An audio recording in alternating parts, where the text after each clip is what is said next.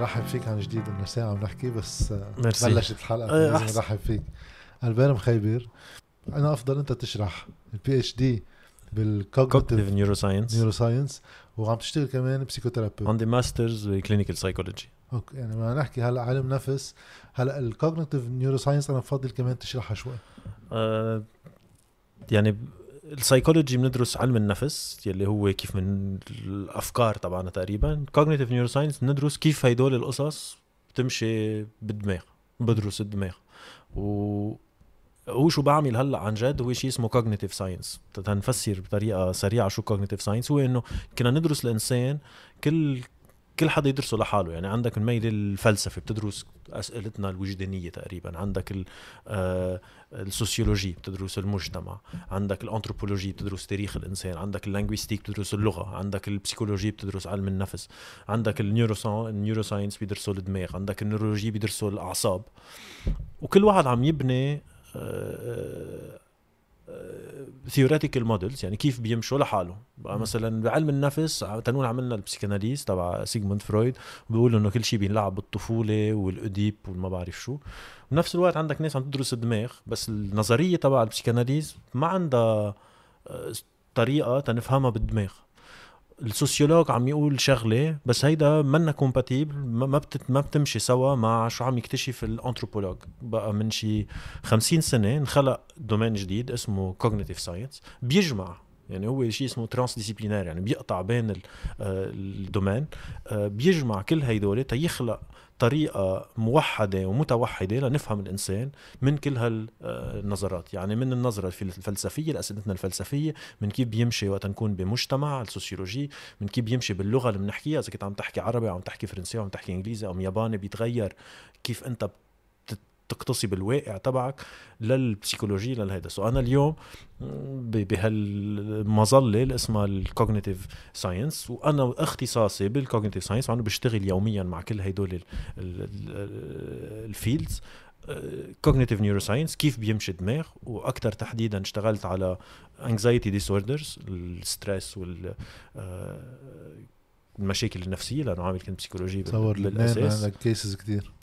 واخر 15 10 15 سنة ما بقى يعني اشت- اشتغلت 10 سنين بمستشفى آه، psychiatrique للأمراض النفسية ومن شي 10 سنين بلشت أشتغل أكثر على شو بنسمي المجتمع العادي يعني مش الناس اللي عندهم بس آه، أمراض نفسية على ال- ال- التفكير النقدي ال critical thinking كيف كل واحد منا بيفهم كيف كل واحد منا اسمها épistémologie يعني كيف أنا بعرف شو بعرف كيف في أنا في أعرف شو بعرف. بشغلي بعدة محلين مع الأشخاص المرضى يلي بشوفهم بال clinique تبعي بباريس أه بشتغل على كيف بيعرفوا شو بيعرفوا عن حالهم. هل أنا مكتئب؟ هل أنا عندي self esteem منيحه هل أنا صعب. أصحابي؟ إيه هذا شيء كتير صعب أكيد. لأنه الناس بتاخده شوي إنه self evident إنه إذا واحد زعلان بيعرف حاله زعلان. مش مزبوط حتى في أمراض إذا نفوت بتدغري بصلب الموضوع في أمراض عندهم شيء اسمه anosognosia anosognosia يعني ما بتعرف إنك مريض. مثلا حدا عنده مرض الزهايمر anosognosic ما بيعرف إنه مريض. حدا عنده بارانويا ما بيعرف إنه مريض. إذا واحد بارانويا بيعرف إنه عنده بارانويا منه بارانويا البارانويا تكون by definition أنت مقتنع إنه أنت معك حق.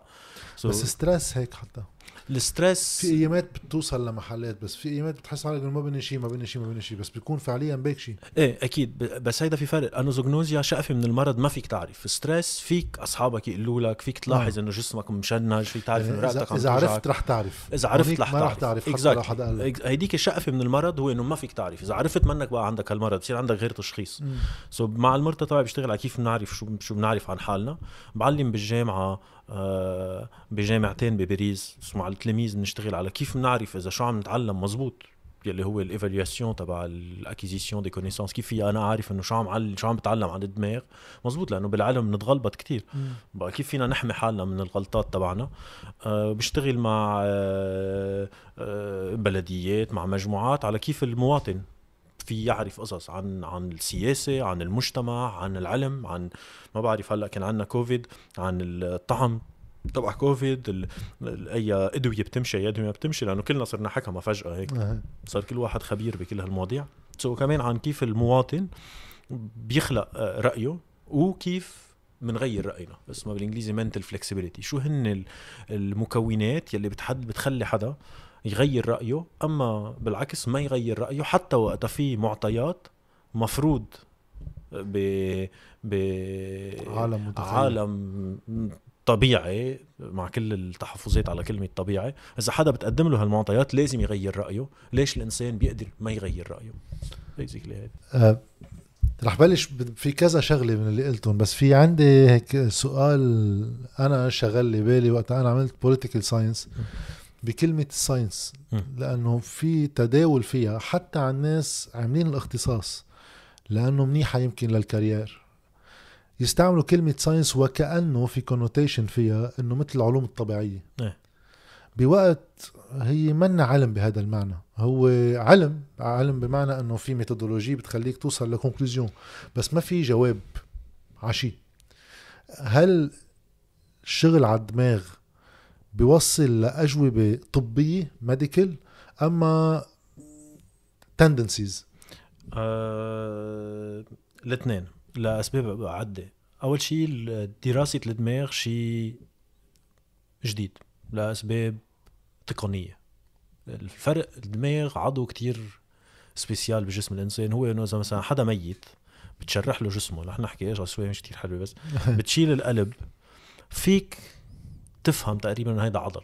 فيك تفهم إنه هيدي ترومبا تقريبا. في عندك ال ventricule وال valve. إذا بتشوف شريان بتفهم تقريبا إنه هو مثل قسطر فيك تفهم تقريبا. الدماغ ميت ما بيعلمك شيء.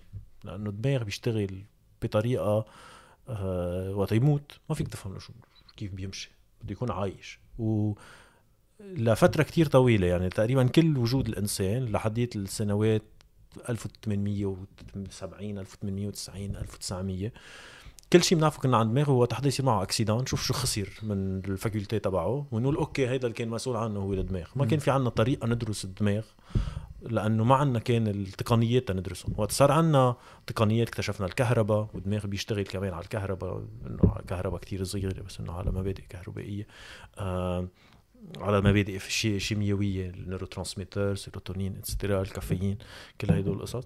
آه بلشنا ندرس الدماغ بعد ما صار عندنا ال IRM ال EEG التقنيات اللي بتخلينا نقدر ندرس دماغ حدا عايش وسليم ما. بشي so تأخرنا كتير تنبلش درس الدماغ أه، بس الدراسات تبعنا لا بتوصلنا على معطيات طبية. يعني بنعرف إنه مثلا هلأ عنا في شقفه كتير كبيرة من شيء اسمه NOS nature of science نوعية العلم. وب nature of science لازم تقدر تقول يعني لقالي كيف تعرف إذا حدا خبير بال domaine تبعه؟ هو مش بس لازم يقدر يقول لك شو بيعرف لازم يقدر يقول لك شو في قصص ما بنعرفهم بعد وخصوصا قد إيه قد إيه هو واثق من شو من المعطيات اللي بنعرفهم. آه، في في مثل كتير بحبه بقول آه، science without a measure of uncertainty is irresponsible. إذا. ما بتعرف قديش أنت ما بتعرف منك عم تكون مسؤول. so so, بال neuroscience في قصص بنعرف إنه ال measure of uncertainty تبعنا صارت منيحة. مثلا بنعرف كيف بنقشع كيف فوتون كهرباء بيضرب بالعين بيضرب بال rétine ال rétine بتحوله على signal électrique بيروح بال optic nerve بيروح على ال cortex occipital ورا كيف بيروح على ال aire visuelle associée كيف بتنخلق بترجع الصورة و et cetera بنعرف كيف بنحرك جسمنا بنعرف كيف بنسمع بنعرف هدول القصص بطريقه فينا نكون تقريبا واثقين من حالنا. وفي غير قصص بنعرف إنه الموديلات تبعنا مش كتير منيح مثلا بشغله بالتفكير وبهدول القصص عنا theoretical models بنعرف إنه منهم كتير منيح. بالاكتئاب بنعرف إنه في كم شغلة بنعرفهم وكم شغلة بعدنا مغ- مغلبطين بال depression بال anxiety بنعرف إنه شوي أحسن من الاكتئاب et cetera وفي قصص بنعرف من بعد ما بنعرف شيء.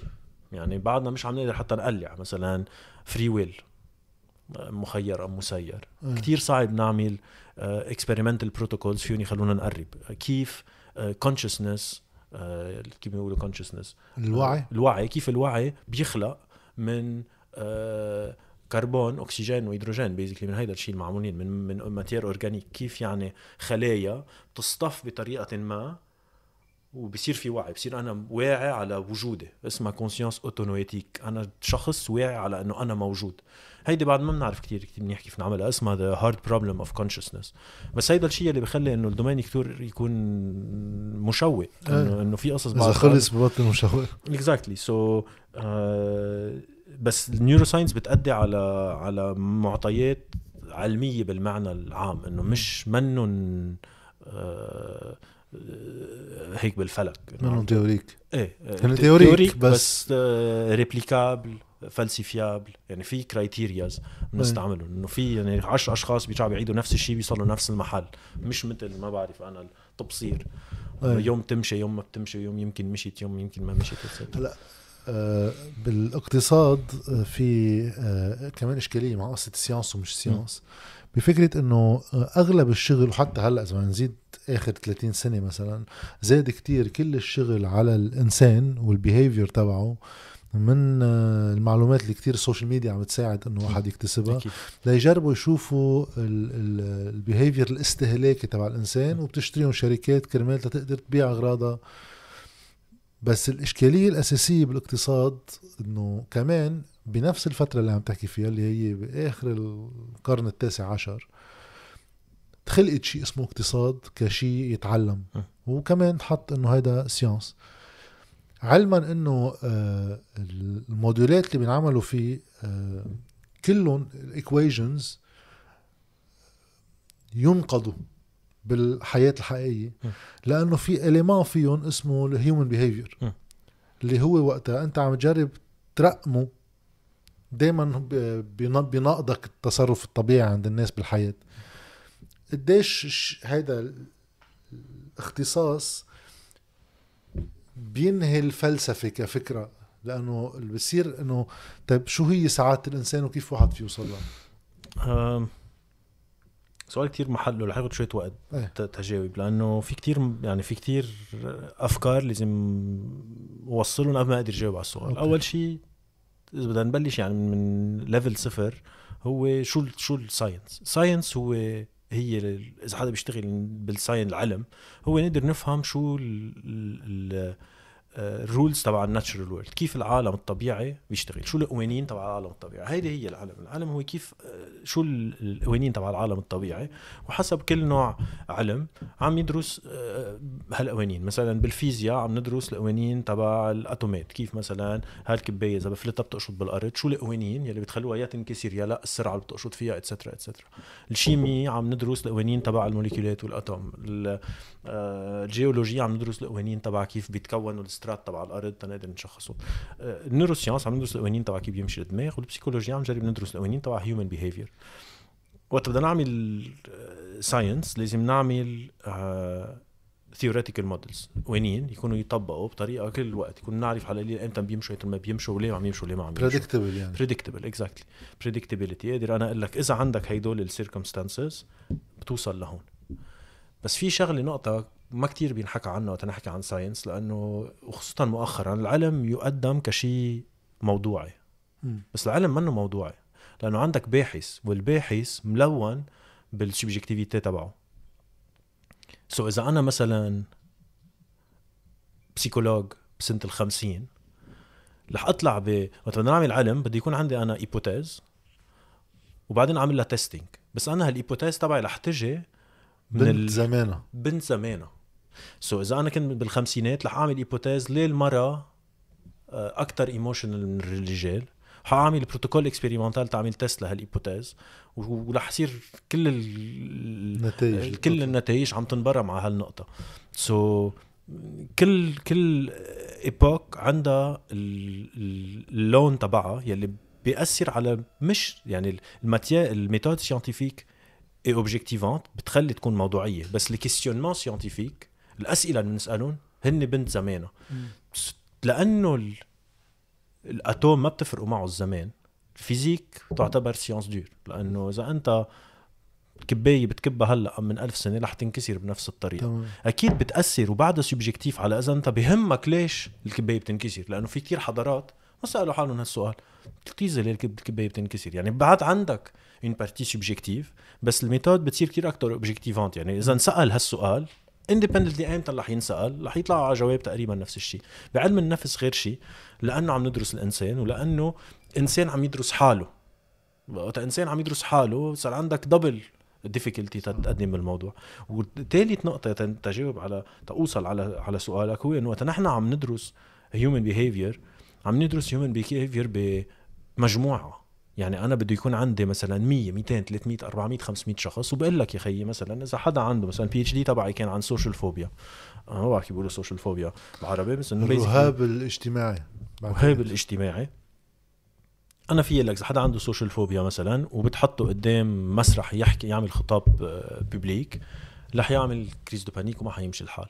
هيدي لأنه على ألف شخص عندهم social phobia شقفه كتير كبيرة منهم. بس هيدا الشيء ما بيخليني أتنبأ ال individu الشخص بال individualité تبعه. بنقول بقول دائما بتعامل محاضرات بقول دائما إنه أنت unique مثل كل الناس. يعني أنت you're unique like everybody else ما عم نجرب نحن نفهم الشخص عم نجرب نفهم الفصيلة. الراس. إيه الفصيلة ال humans ومنشان هيك هيدا بيرجع شو كنت عمول على السؤال قبل عنا measures of uncertainty يعني أنا بيجي بقول لك إذا أنت عندك 100 شخص حطيتهم بمسرح ورنيت ال fire alarm والناس ما بتشوف ال- النار. عندك chance 90% إنه تس- 95 شخص يقوموا يركضوا وخمسة يضلوا قاعدين لأنه مش شايفين النار رح يعتبروا حالهم هن ما بيركضوا إذا ما بيعرفوا ليش. so بصير عندك الفرق بين العلم يلي أنا بشتغل عليه ومثلا العلم يلي عم يشتغلوا عليه آه، ال physicist ام ام شي هيك إنه أنا it's probabilistic.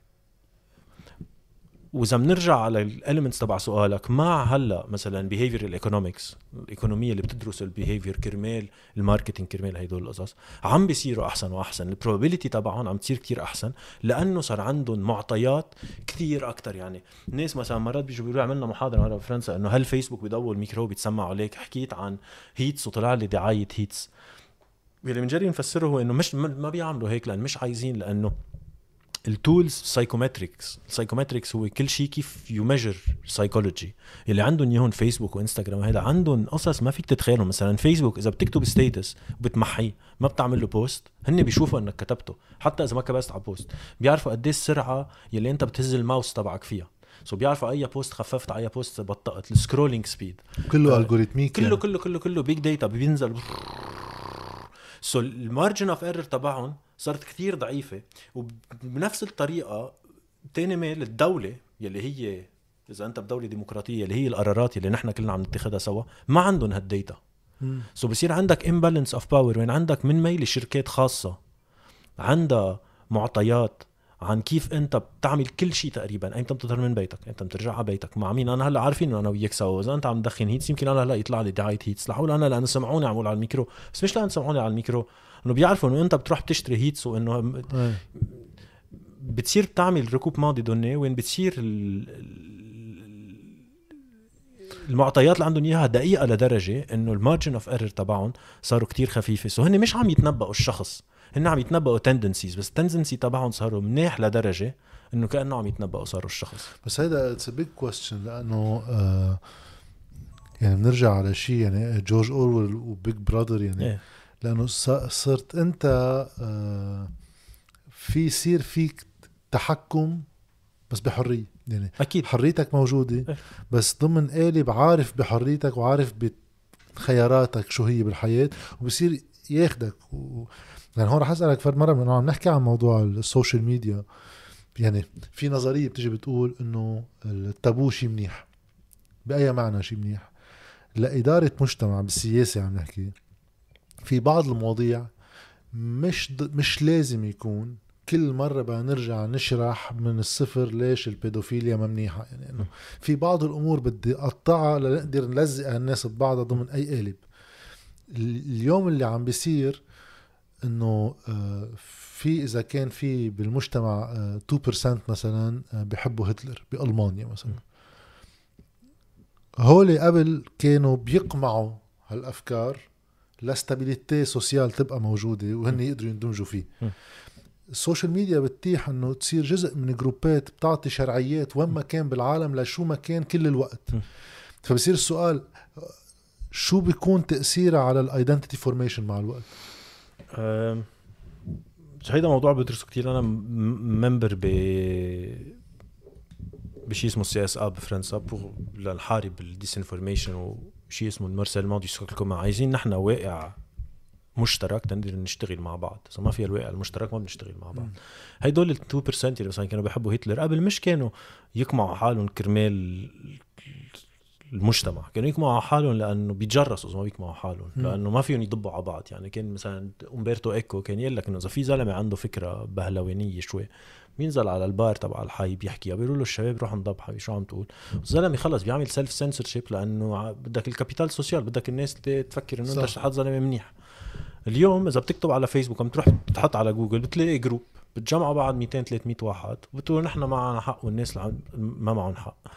وهيدا مش خطر لحديت وقت ما يعود عندك الواقع المشترك. وال consequence تبع هيدا الشيء هو polarization وقت يصير في استقطاب آه، آه، استقطاب. استقطاب للمجتمعات. الديمقراطية ما بقى بتمشي لأن الديمقراطية شو هي يعني؟ الناس تقول آه بلا الديمقراطية. الديمقراطية هي بس طريقة نقرر كلنا سوا.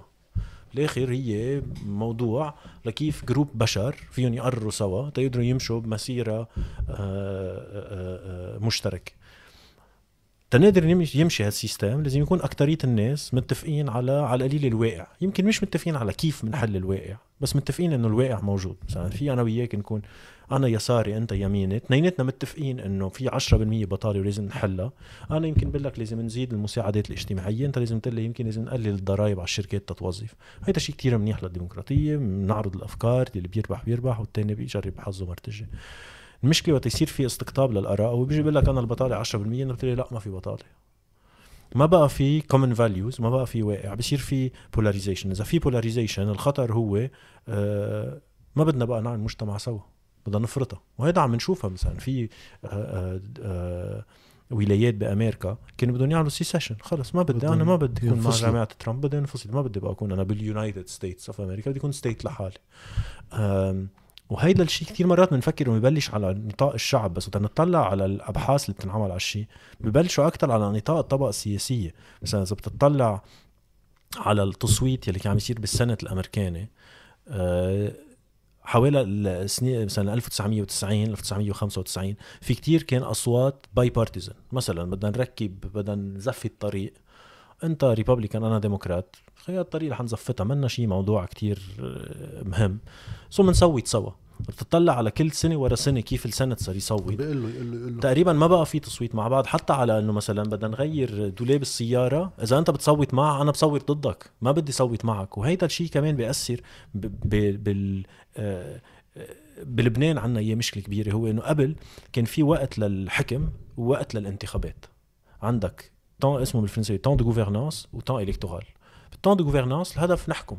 ربحنا الانتخابات خلص الماتش. هلأ نحن رح نقعد آه نشوف كيف بدنا نشتغل كرمال نطبق الشيء اللي قلنا للشعب بدنا نعمله. وبعدين ست شهور ثمان شهور قبل الانتخابات نرجع بنفوت بترويج ببروباغندا ببرجويجن بدي جرب أقنعك إنه تصوت لازم.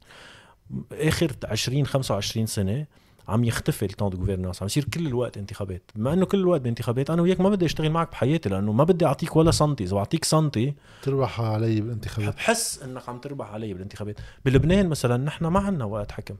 نحن صار لنا 20 25 سنة بتون انتخابي حتى وقت ما عندنا انتخابات يعني الأضرب إنه نحن بوقت انتخاب بيرمانا بلا ما نعمل انتخابات يعني ما بيكون في انتخابات 10 سنين وكل الوقت ما حدا بيقبل من حزب يقول إنه هيداك الحزب يمكن يعمل شيء منيح. رح امشي معه ما في هالشيء وهالإستقطاب بخلي مش هيك بلبنان كل فترة شو بينطرح الفيدرالية. هيدا نفصل بلا ما نعيش مع بعض. وهيدا ما بيحل مشكلة بحياته ولا مرة حل شيء يعني. طبعا.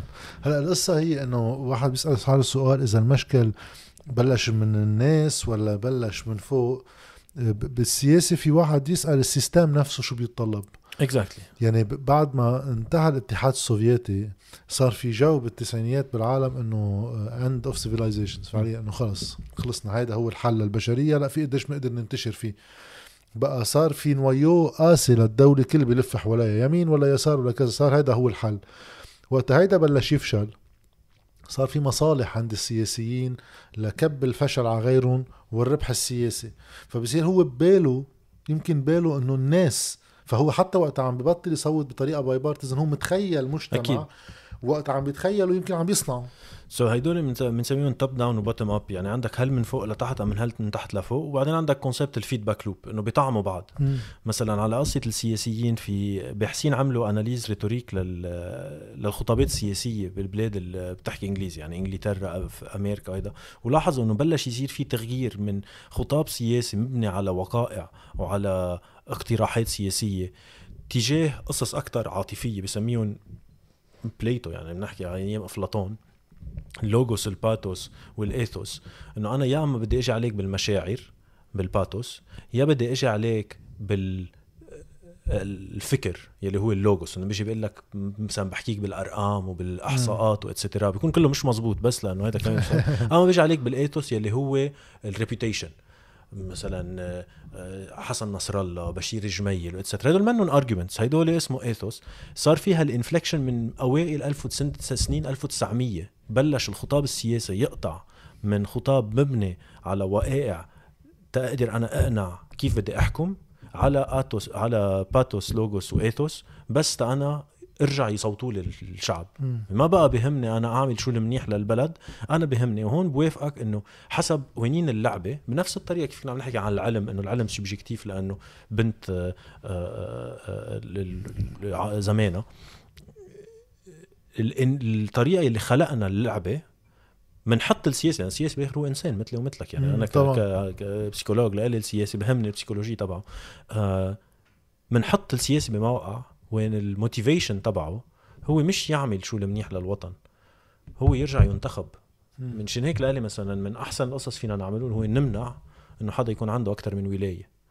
لأنه إذا أنت عم تلعب فيفا وبقول لك إنه تدلك عم تلعب بدك تدلك عم تربح. فيك تقوص لحدك. بتصير تقوص لحدك. شو ما كان بدك ما تفلت ال manette. بينما إذا أنا بقول لك عندك ماتش واحد بدك تفرجيني أنت قد شاطر باللعبة.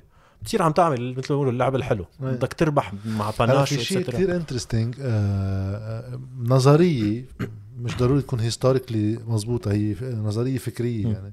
إنه في تاريخين للديمقراطية. م. في الديمقراطية ال Greek. إيه. اللي كانت مباشرة. أكيد. وبلاتو كان من الناس اللي ضدها يعني منه مع وبوقتها بيقول إنه هيدي طريقة تتخلي السياسة تصير populist يعني. فبصير فيهم اللي ما معهم كل الوقت بدهم يشلحوا اللي معهم لأنه اللي معهم دائما أقل من اللي ما معهم. بس بوقتها لقوا آليات لضبط ال system يعني كان في عندهم شغلة كتير interesting إنه المجتمع وقت يجتمع لأن الديمقراطيه مباشرة يعني كل المجتمع بيجتمع كل الوقت فوقت يجتمعوا هولي فيهم يقرروا بنفي سياسي. تحت أي حجة وحدة من الأعذار أنه يكون صار عنده تأثير بالغ بالمجتمع. م. نتيجة الكاريزما نتيجة الخطاب. آه وبيصوتوا عليها أنه هيدا الزلمة صار كثير بيأثر. لأنه يعني هذا بخربط الديمقراطية. هذا صار عم بياخذوا الناس على خياراته إله مش خياراتهم إلهم. وفي مسار تاني للديمقراطية. هذا مات بمهده يعني ما كتير عايش. لا. اللي من ماجنا كارتا وبالرايح اللي هو التمثيلية. اللي هي فعليا ال barons شلحوا الملك بعض من صلاحياته وصاروا بجروا الناس بصراعهم مع اللي فوق. بس دائما في وسيط بينك وبينه الحاكم ف اليوم كأنه عم يرجع ينسأل السؤال هل الديمقراطية أصلا هي حل بشكلها اللي بنعرفه الديمقراطيه التمثيليه لأنه صارت هينة استقطاب الناس لمحلات ال system نفسه بطق وهي انعملت الديمقراطية لل system يمشي. أكيد. ف نحن اليوم مثلا كأنه بلبنان نحن لنا بالديمقراطية تماما ولنا خرجها لا ف يعني منا مثل شو بعرفني السعودية أما سوريا ما في لا إيه، سوريا في شكل انتخابي بالسعوديه ما في. بس منا كمان شو بعرفني أي دولة معقول تكون فيها system تمام يعني. مش موجود يمكن مش موجود لا بس إنه في أقرب منا أكيد. فهون ال expectations تبع الناس اللي عايشين بلبنان من ال system بعد بتصير أصعب. أكيد. يعني إذا برا أيام شو بعرفني ترامب وبايدن ولا قبل انتخابات كلينتون وترامب صار السؤال عم بيرجع يروح على محلات أولية مش على ال unemployment وكذا إنه بدي حطها بالحبس. واللي هو عنا إياه نحن أساسا يعني كأنه عم تتلبنن السياسة برا يعني. عم تتلبنن السياسة برا. آه نتائج هون بيوحوا لك إنه بنروح على تفجير. برا هل المجتمع عنده ايجنسي يعني هل المشكل إذا بدك هي بايجنسي المجتمع كلاعب سياسي؟ المشكلة الأساسية هلأ إنه المجتمع عم يحس إنه ما عنده ايجنسي والطريقة هي كيف بنرد الايجنسي وين ما كان. وين ما كان. لأنه بالواقع اللعبه الديمقراطية القوانين اللي نحطه ما بيعطوا كتير ايجنسي في مئة ألف شغلة فينا نغيرهم بقوانين وفي بال cognitive science كتير ناس بيدرسوا على كيف فينا نحسن آه قوانين اللعبة؟ يعني تضلها ديمقراطية بس نغير. مثلا بدل ما تصوت لشخص تصوت ل- مثل بال football بدل ما يكون عندك tournoi اللي بيخسر بيظهر مثل league. بتصوت مين الأول الثاني الثالث الرابع الخامس بخياراتك ويطلع لهم علامات وبالآخر بتجمع يلي جاب أكثر شيء number 1 هو اللي بيربح. ساعتها ما عندك بقى مثلا مشكلة إنه أنا مجبور صوت لهيدا ما يربح هيداك. مم. فيك تصوت لثلاث أشخاص. عندك démocratie directe. مرات مثلا اليوم نطلب دغري من الشعب. عندك بفرنسا عملوا شيء اسمه ال convention citoyenne du climat لأنه ال ال climate change شيء كثير مهم عملوا كيف في أيام ال- اليونان؟ سحبوا 250 قرعة. مواطن بالقرعة 250 مواطن. وقالوا لهم أنتم 250 مواطن رح نجيب experts بال climat. يعملوا لكم آه، تعليم intensif على هدول المشاكل وأنتم بدكم تقرروا وتقترحوا على ال gouvernement قوانين؟ شو المفروض يصير تنحسن ال climat لأنه السياسيين ما عم ياخذوا القرارات اللازمة لهالشيء so عم يصير في تغيير كرمال يرجع ينعطى ايجنسي لأنه وقت واحد يحس حاله عم يخسر ايجنسي في حل من الحلين. يا بينحبط وما بيقعد بيجرب شيء شو عم يصير بلبنان learned helplessness آه، أحباط الدائم يعني. أحباط الدائم يلي ما هيدا لبنان شو لها معنا أصلا ما فينا نعمل شيء et cetera et cetera يا بتنفجر. تقول أنا بدي أرجع آخذ الايجنسي تبعي وبتنزل يا بتعمل ثورة يا بتخبط يا بتكسر يا et cetera فعم نجربوا كثير ناس يتفادوا هالشيء لأنه اثنيناتهم ما بيوصلوا لمحل أكبر غلطة هي إنه تزبط لازم تخرب. عادة إذا بتخرب بتخرب. ما في شيء بياكد إنه إيه. بترجع بتزبط آه نحن أكثر أكبر برهان ما بعرف ليش في ناس بعدهم مقتنع عملنا حرب أهلية وما زبط شيء يعني خربناها للآخر لا وبعدين ما زبط. حتى بالقصص الاقل دوز يعني أنا من القصص اللي هيك كان عندي تفكير هلأ بعتبره طفولي بوقتها إنه عم بحكيك يعني بال 2014 و15 16 لتتوصل لمحل إنه هذا النظام السياسي ما في قدرة هلأ لأي تغيير فيه بس أنت شايفه كارثة بنفس. الوقت. فبتصير تقول منيح إنه رح ينفجر اقتصاديا. لأنه وقت رح ينفجر اقتصاديا رح يطير معه النظام السياسي هون بصير في opportunity وإذا بتكتشف ما بالممارسه إنه وقت يطير اقتصاديا صح بصير في opportunity بس ما ال balance of power ما تغير. إيه ال opportunity مش لك فبيتعاجوه على أسوأ بعد. أكيد. تيبقوا فبتصير القصة بعد تاخدك على إحباط زيادة وزيادة. أكبر أضرب proverb بتخيل سامع بحياتي هو هذا. What doesn't kill you makes you stronger. What doesn't kill you بيعطبك بتصير على life support بتصير بدك بالكوما. نكسه بتموت. إيه منك ميت أنت بالكوما. إيه هيك ال- الوضع عادة. so so, في كتير initiatives هلأ على كيف نرد ايجنسي للناس. لأنه عندك مشكلة الاكبر مشكلة هي ال fr abstention الناس اللي ما بتصوت. لأنه ليه ما بتصوت الناس؟ لأن بتقول لك إنه شو هلا صوتي شو حتفرق؟ ال vote utile انجبر صوت لحدا لأنه الزلمه اللي أنا قانعني بعرف ما عنده ولا أمل. آه، بروح بصوت مرغم لحدا ما بفرنسا بحبه قصة يعني. آه فرنسا قصة قصة طويلة. وشيء اسمه الخيار المجبور le choix forcé أنا أنا عندي مثل ما كنت عم تقول قبل آه، آه، بيقولوا لي إني مخير بس it's an illusion. يعني ماني عن جد مخير. إذا بنقي عن جد شو أنا بدي رح موت. so مجبور نقي هالشيء آه، في كتير هلأ آه، الناس بتفكر على صعيد وينين اللعبة؟ لأنه جان نحن بشغلنا بشغلي أنا هدفي أفكر مش على الشخص هدفي أفكر على العلاقة بين الشخص والمحيط ال context المحيط الاجتماعي محيط القوانين محيط ال culture محيط ال values كل هيدول كيف عم يخلوا الشخص يتعامل مع هالمحيط. لأنه بالآخر حيلا حدا في يكون لبناني حيلا في حدا يكون أمريكاني حيلا حدا في يكون سويدي. ليش نفس الفصيلة homo sapiens sapiens في يكون عنده هال variability أنا هيدا بالآخر شيء اللي بهمني كيف بدي اغير أنا القوانين لأنه ما لها معنى تحط الحق على على الشخص. الشخص هو بالآخر résultat تبع كل هدول. القصص. بس آه، هلا رح نترك segment بالآخر نحكي فيه شوي عن الصحة النفسية. يعني كتير ظروف بلبنان وحتى برات لبنان بتصور هلأ مهمة. رح كفي بالسياسة بشغلة. آه إيه كنت عم تحكي قبل عن الحاجة إنه آه الصراع السياسي يكون صحي بين. المزدوجين يكون منطلق من حقيقة. نجتمع عليها وبنختلف انطلاقا منها. إيه على شو كيف نحلها؟ كيف نتعاطى معها يمكن مشكلة لبنان ومش هيك كنا عم نقول عن أمريكا عم تتلبنن بس يمكن كمان بالعالم كله عم يتلبنن. مشكلة لبنان السابقة هي إنه في هويات مختلفة خلقت لحالها روايات تاريخية مختلفة م. وصارت عم بتشوف الدنيا بلانسز مختلفين. كل واحد عم يشوف شيء وصلنا لمحل ما فيش محل أصلا نبلش منه سوا. طيب هل في إمكانية يعني يعني اليوم كنا عم نحكي عن المعارضة م. قبل الهوى والتغيير بالبلد. طيب خلينا نفترض أي قوة سياسية جديدة بدها تجي؟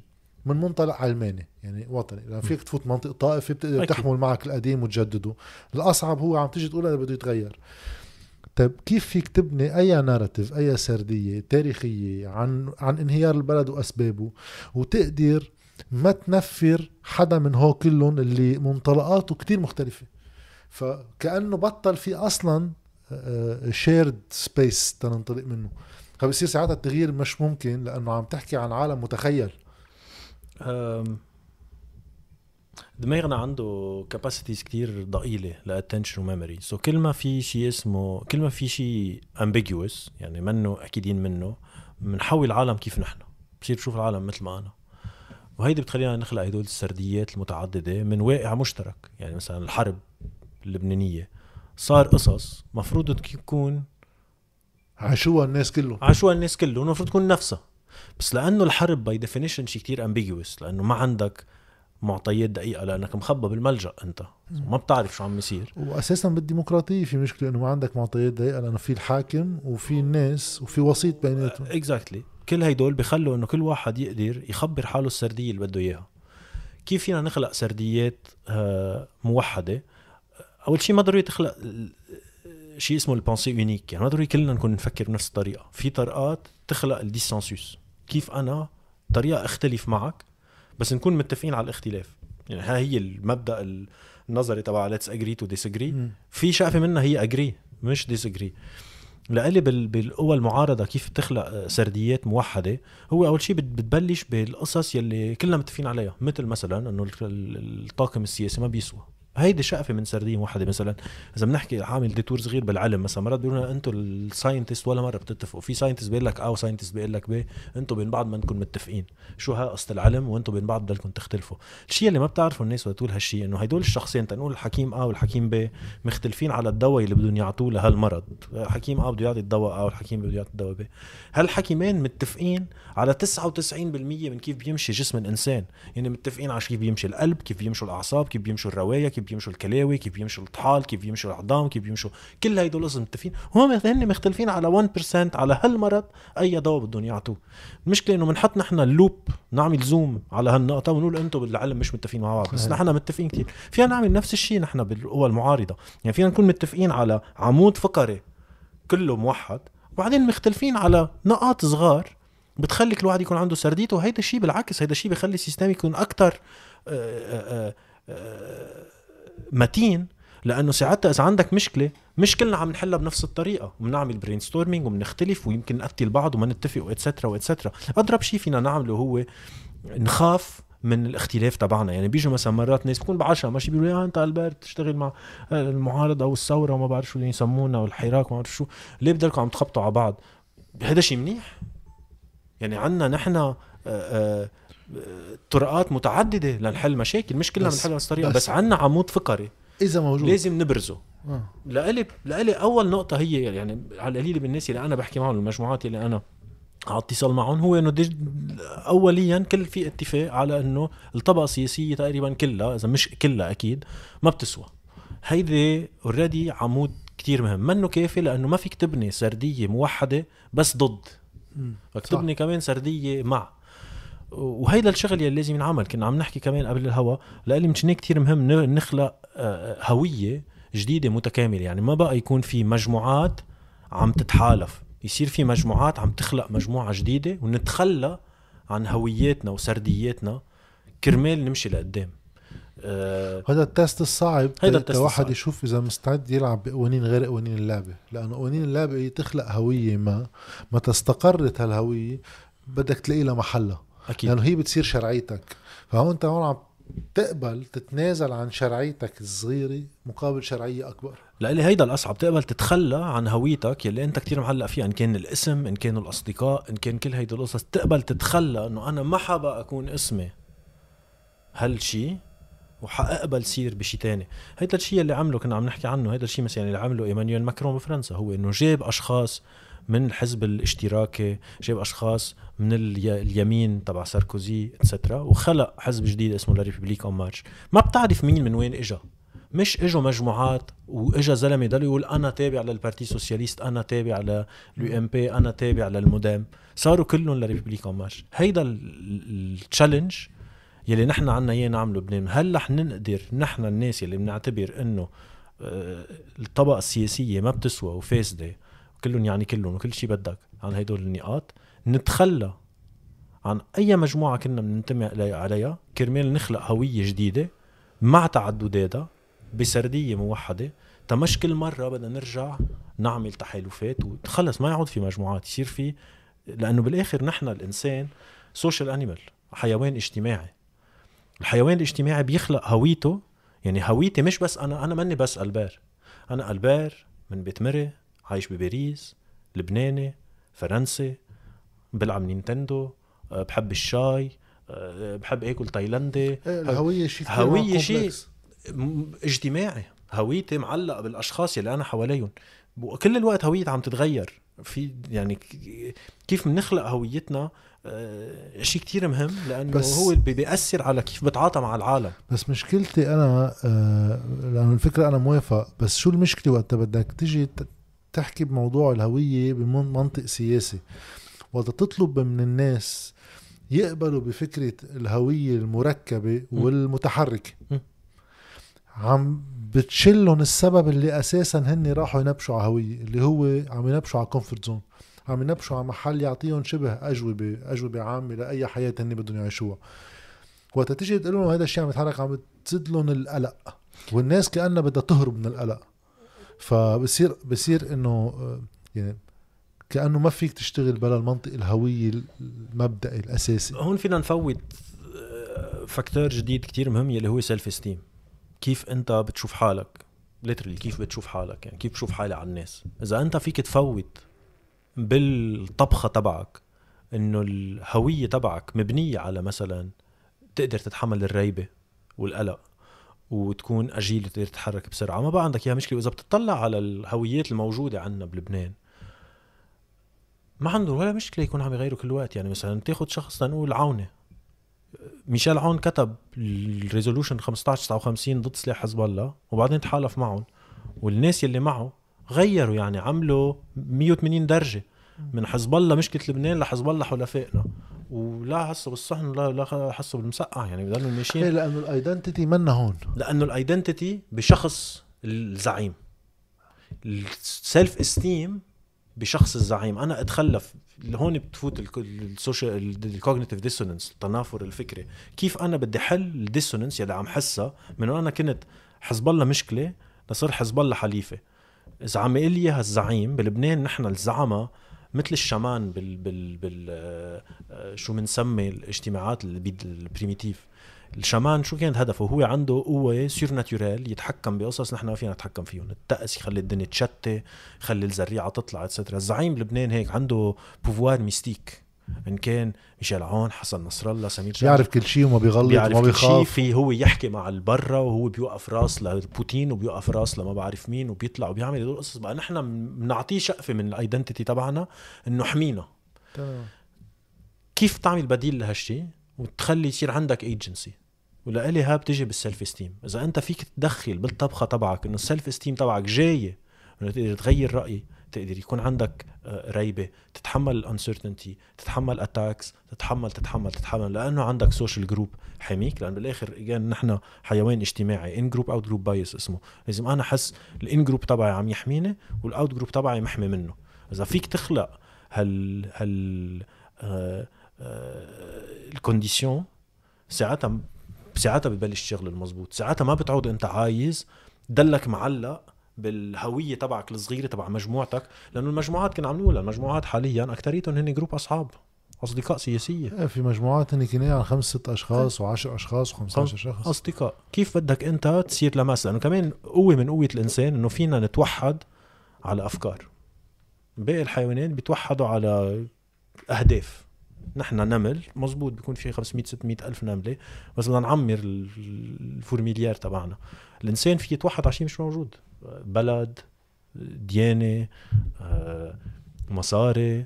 على concept concepts كيف بدك تخلق انت concept تخلي هالشخص يتخلى عن ال identity تبعه الصغيرة ل identity تبعه كبيرة. ولألي هيدا أهم challenge ما يسمى بقوى المعارضة المعارضه اليوم عندهم اياه كيف بدهم يقبلوا يقولوا أنا مني بقى مجموعتي.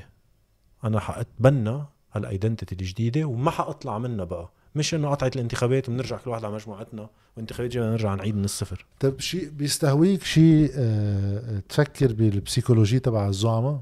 أكيد. تكوين بهمني كثير يعني تقريبا بهمني أكثر تقريبا psychologie الزعماء مش بس بلبنان أه بشتغل كثير على الموضوع. كمان بفرنسا امبارح كان عم بشتغل على commission على هالنقطة لأنه بنضلنا نحكي عن المواطن بس بالآخر بننسى إنه الزعيم إنسان مثلي مثلك. ليه؟ ليه مثلا السلطة كوربتس وكيف فينا نعمل تنحمي الشخص اللي بيوصل على السلطة؟ يلي هو بالأساس في يكون عنده نية كتير حسنة إنه أنا جاي بدي ساعد بلدي. ليه بصير عم يقبض برطلة وعم يصير فاسد وهيدا؟ كيف فينا نعمل تنخلي نحمي بقوانين اللعبة الأشخاص يلي كانوا منهم بالسلطة وعندهم نية حسنة إنه هن بدهم يضحوا بحياتهم كرمال المصلحة العامة؟ ما يصيروا عم يشتغلوا ضد المصلحة العامة كرمال مصلحة يا مصلحتهم يا مصلحة أنا عندي سؤال هون هيك أول لأنه أول ما تبلش علوم سياسية في هيك جملة بحطوا لك إياها نسيت شو كان اسمه الكورس بوقتها. أه بس شيء معنا بسيكولوجي تبع العمل العام. ففيها جملة هيك أه إنه اللي بيشت... بيقرروا يشتغلوا سياسي إنه هذا شو تركيبته؟ واحد يقرر يضحي بوقته وكذا إنه بده يخدم هذا هو قليل كتير مفروض يكونوا ومش مفروض يكون هالقد في ناس بتركض على هيك مهمة. بمجرد ما في كتير ناس بتركض على هيك مهمة هو عادة بيكون عندهم إرادة القدرة. هو ليه بدهم يصيروا بموقع باورفل للتعويض عن كتير مشاكل تانية عندهم إياها. فبتصير جزء من ال balance بشخصيته هو إنه معه سلطة. وهذا شيء بخوف. هيدا شيء بسيط كمان. إيه؟ إنه شوي simplification لأنه في كتير أسباب اللي أنت بدك تلقط السلطة بلا ما يكون عندك ناقص في يكون طلعت السلطه لشو أنت كنت عم تقول ال classe sociale كيف الناس رح تشوفك. في يكون بدك تلقط السلطة. لأنه أصلا إذا أنت بتشتغل كموظف عم تضحي وقتك أصلا بس كرمال شركة. عم تضحي وقتك كرمال شركتك. أو عم تضحي وقتك كرمال يعني ال boss تبعك بيزكلي رب العالم إيه بس العمل بس خد خد ال extreme تبع مثلا أنا أنا ك parlementaire مثلا بفرنسا إذا بنزل على انتخابات بصير نايب بفرنسا ما عم بشتغل أكثر من موظف ببنك صح صح صح. البرلمان هيني قصته. إيه. أنا عم بحكي مثلا عن آه، آه، سعد الحريري جنبلاط بري عون. ما كثير منهم ما نقوا أغلبهم ما نقوا أغلبهم ما نقوا يعني لقوا حالهم هون. وبس طلع لهم bénéfice secondaire طلع لهم إيجابيات كتير كبيرة. مصاري نفوذ أهمية capital social. بس انتبه مثلا على هيك شوية nuance ات. إنه إذا بتشوف نبيه بري تحديدا حياته مش كتير حلوة. هو. هلا يمكن نسبة لشو كانت تكون ممتازة إيه ونسبة لباقي الناس إيه ممتازة نسبة كمان. لباقي الناس. بس نبي بري مثلا ما بيتحرك من عند التينة إيه. وسمير جعلة ما بيتحرك من معراب. أكيد. وهواجس أمنية كل الوقت. وأغلب هول العالم مثلهم حدا وبحسوا بالخطر الاغتيال بأي لحظة.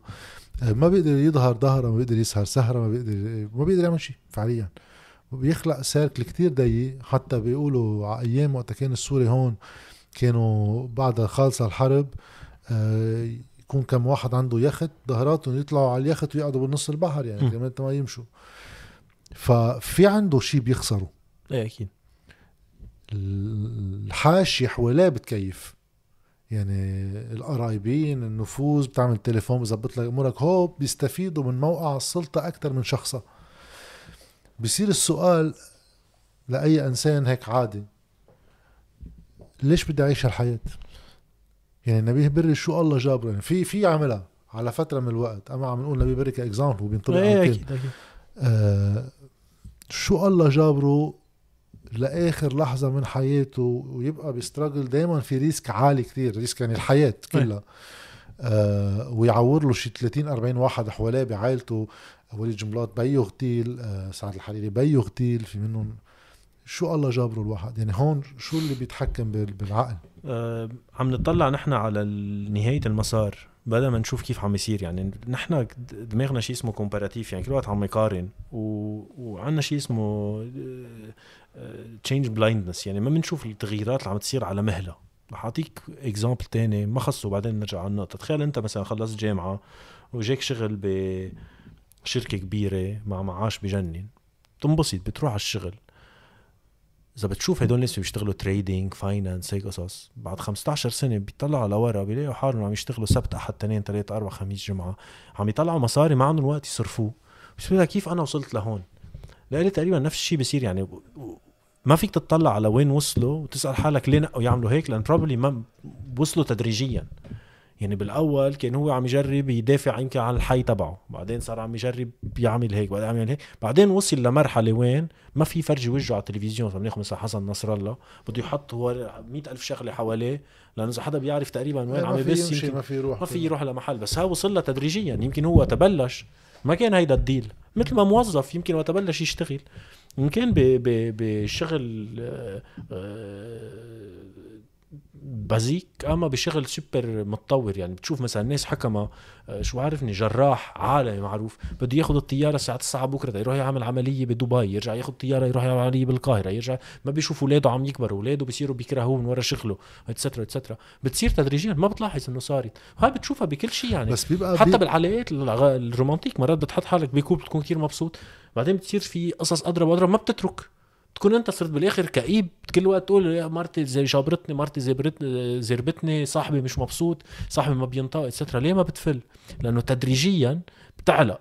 وقتها تعلق كلفة تظهر منها آه، بتعمل لك feedback négatif كتير كبير. إن كان مثلا بالعلاقات كنت تخاف تكون لحالك بدي أرجع هلأ أتعرف على حدا واطحش عليه من أول وجديد شو أنا بعد إلي جلادة وبدا وما بدا وما بعرف شو بدا وما بدا وما بعرف شو. أما إن كان بدي أتخلى عن الحزب يمكن يقتلوني. يمكن نبيه بري إذا بيقولوا أنا بدي أستقيل من امل يمكن هن يقتلوا شو بقى؟ إنه ما بتعرف شو الهيدا بس. كيف بيوصل؟ ما بيعرف إنه رح يوصل لهون. بس في محلات تدريجية. في محلات آه، بتحس إنه بيتغير العالم عنده. يعني أنا أكثر شيء هيك بالتشبيه لقيته هيك كتير آه، بينطبق على هيك حالات. ما بعرف إذا حاضر فيلم شاوشانك ريدمشن؟ أكيد. في هذا الرجال الختيار بقلب الحبس. م. يعني له شيء 40 سنة بالحبس. وبتخلص محكوميته. هلا بالحبس هو قصة كثير كبيرة. ما بده يفل. وقتها فل انتحر. أكيد. لأنه جوا شيء أنا برا مشي. أكيد. فصار معنى الحياة يعني في في أنا إذا صرت زعيم بين هالزعماء لو حياتي كارثية بس معنى الحياة عندي ركبت بطريقة إنه أنا إذا بربح على فلان وفلان يعني أنا منيح، إذا إذا طلعت من هالصراع كله شو بدي أقعد أعمل؟ أكيد. ما عندك بقى fonction هيدي الشيء مثلا أنا بخبرك عن عن شخص أنا شفته بباريس. في شخص اجى يعمل consultation كنت كنت 2005 2006 بعدني شي واصل على باريس كنت بعدني يعني stagiaire آه، اجى diagnostic sida وعامل dépression كل عائلته حواليه ورح نضلنا معك كل الوقت وما تعطى الهم صرنا في thérapie ات فيك تعيش وهو محبوط محبوط محبوط محبوط. رجع عم يعمل test يشوف كيف الهيدا بعد ست أشهر سنة.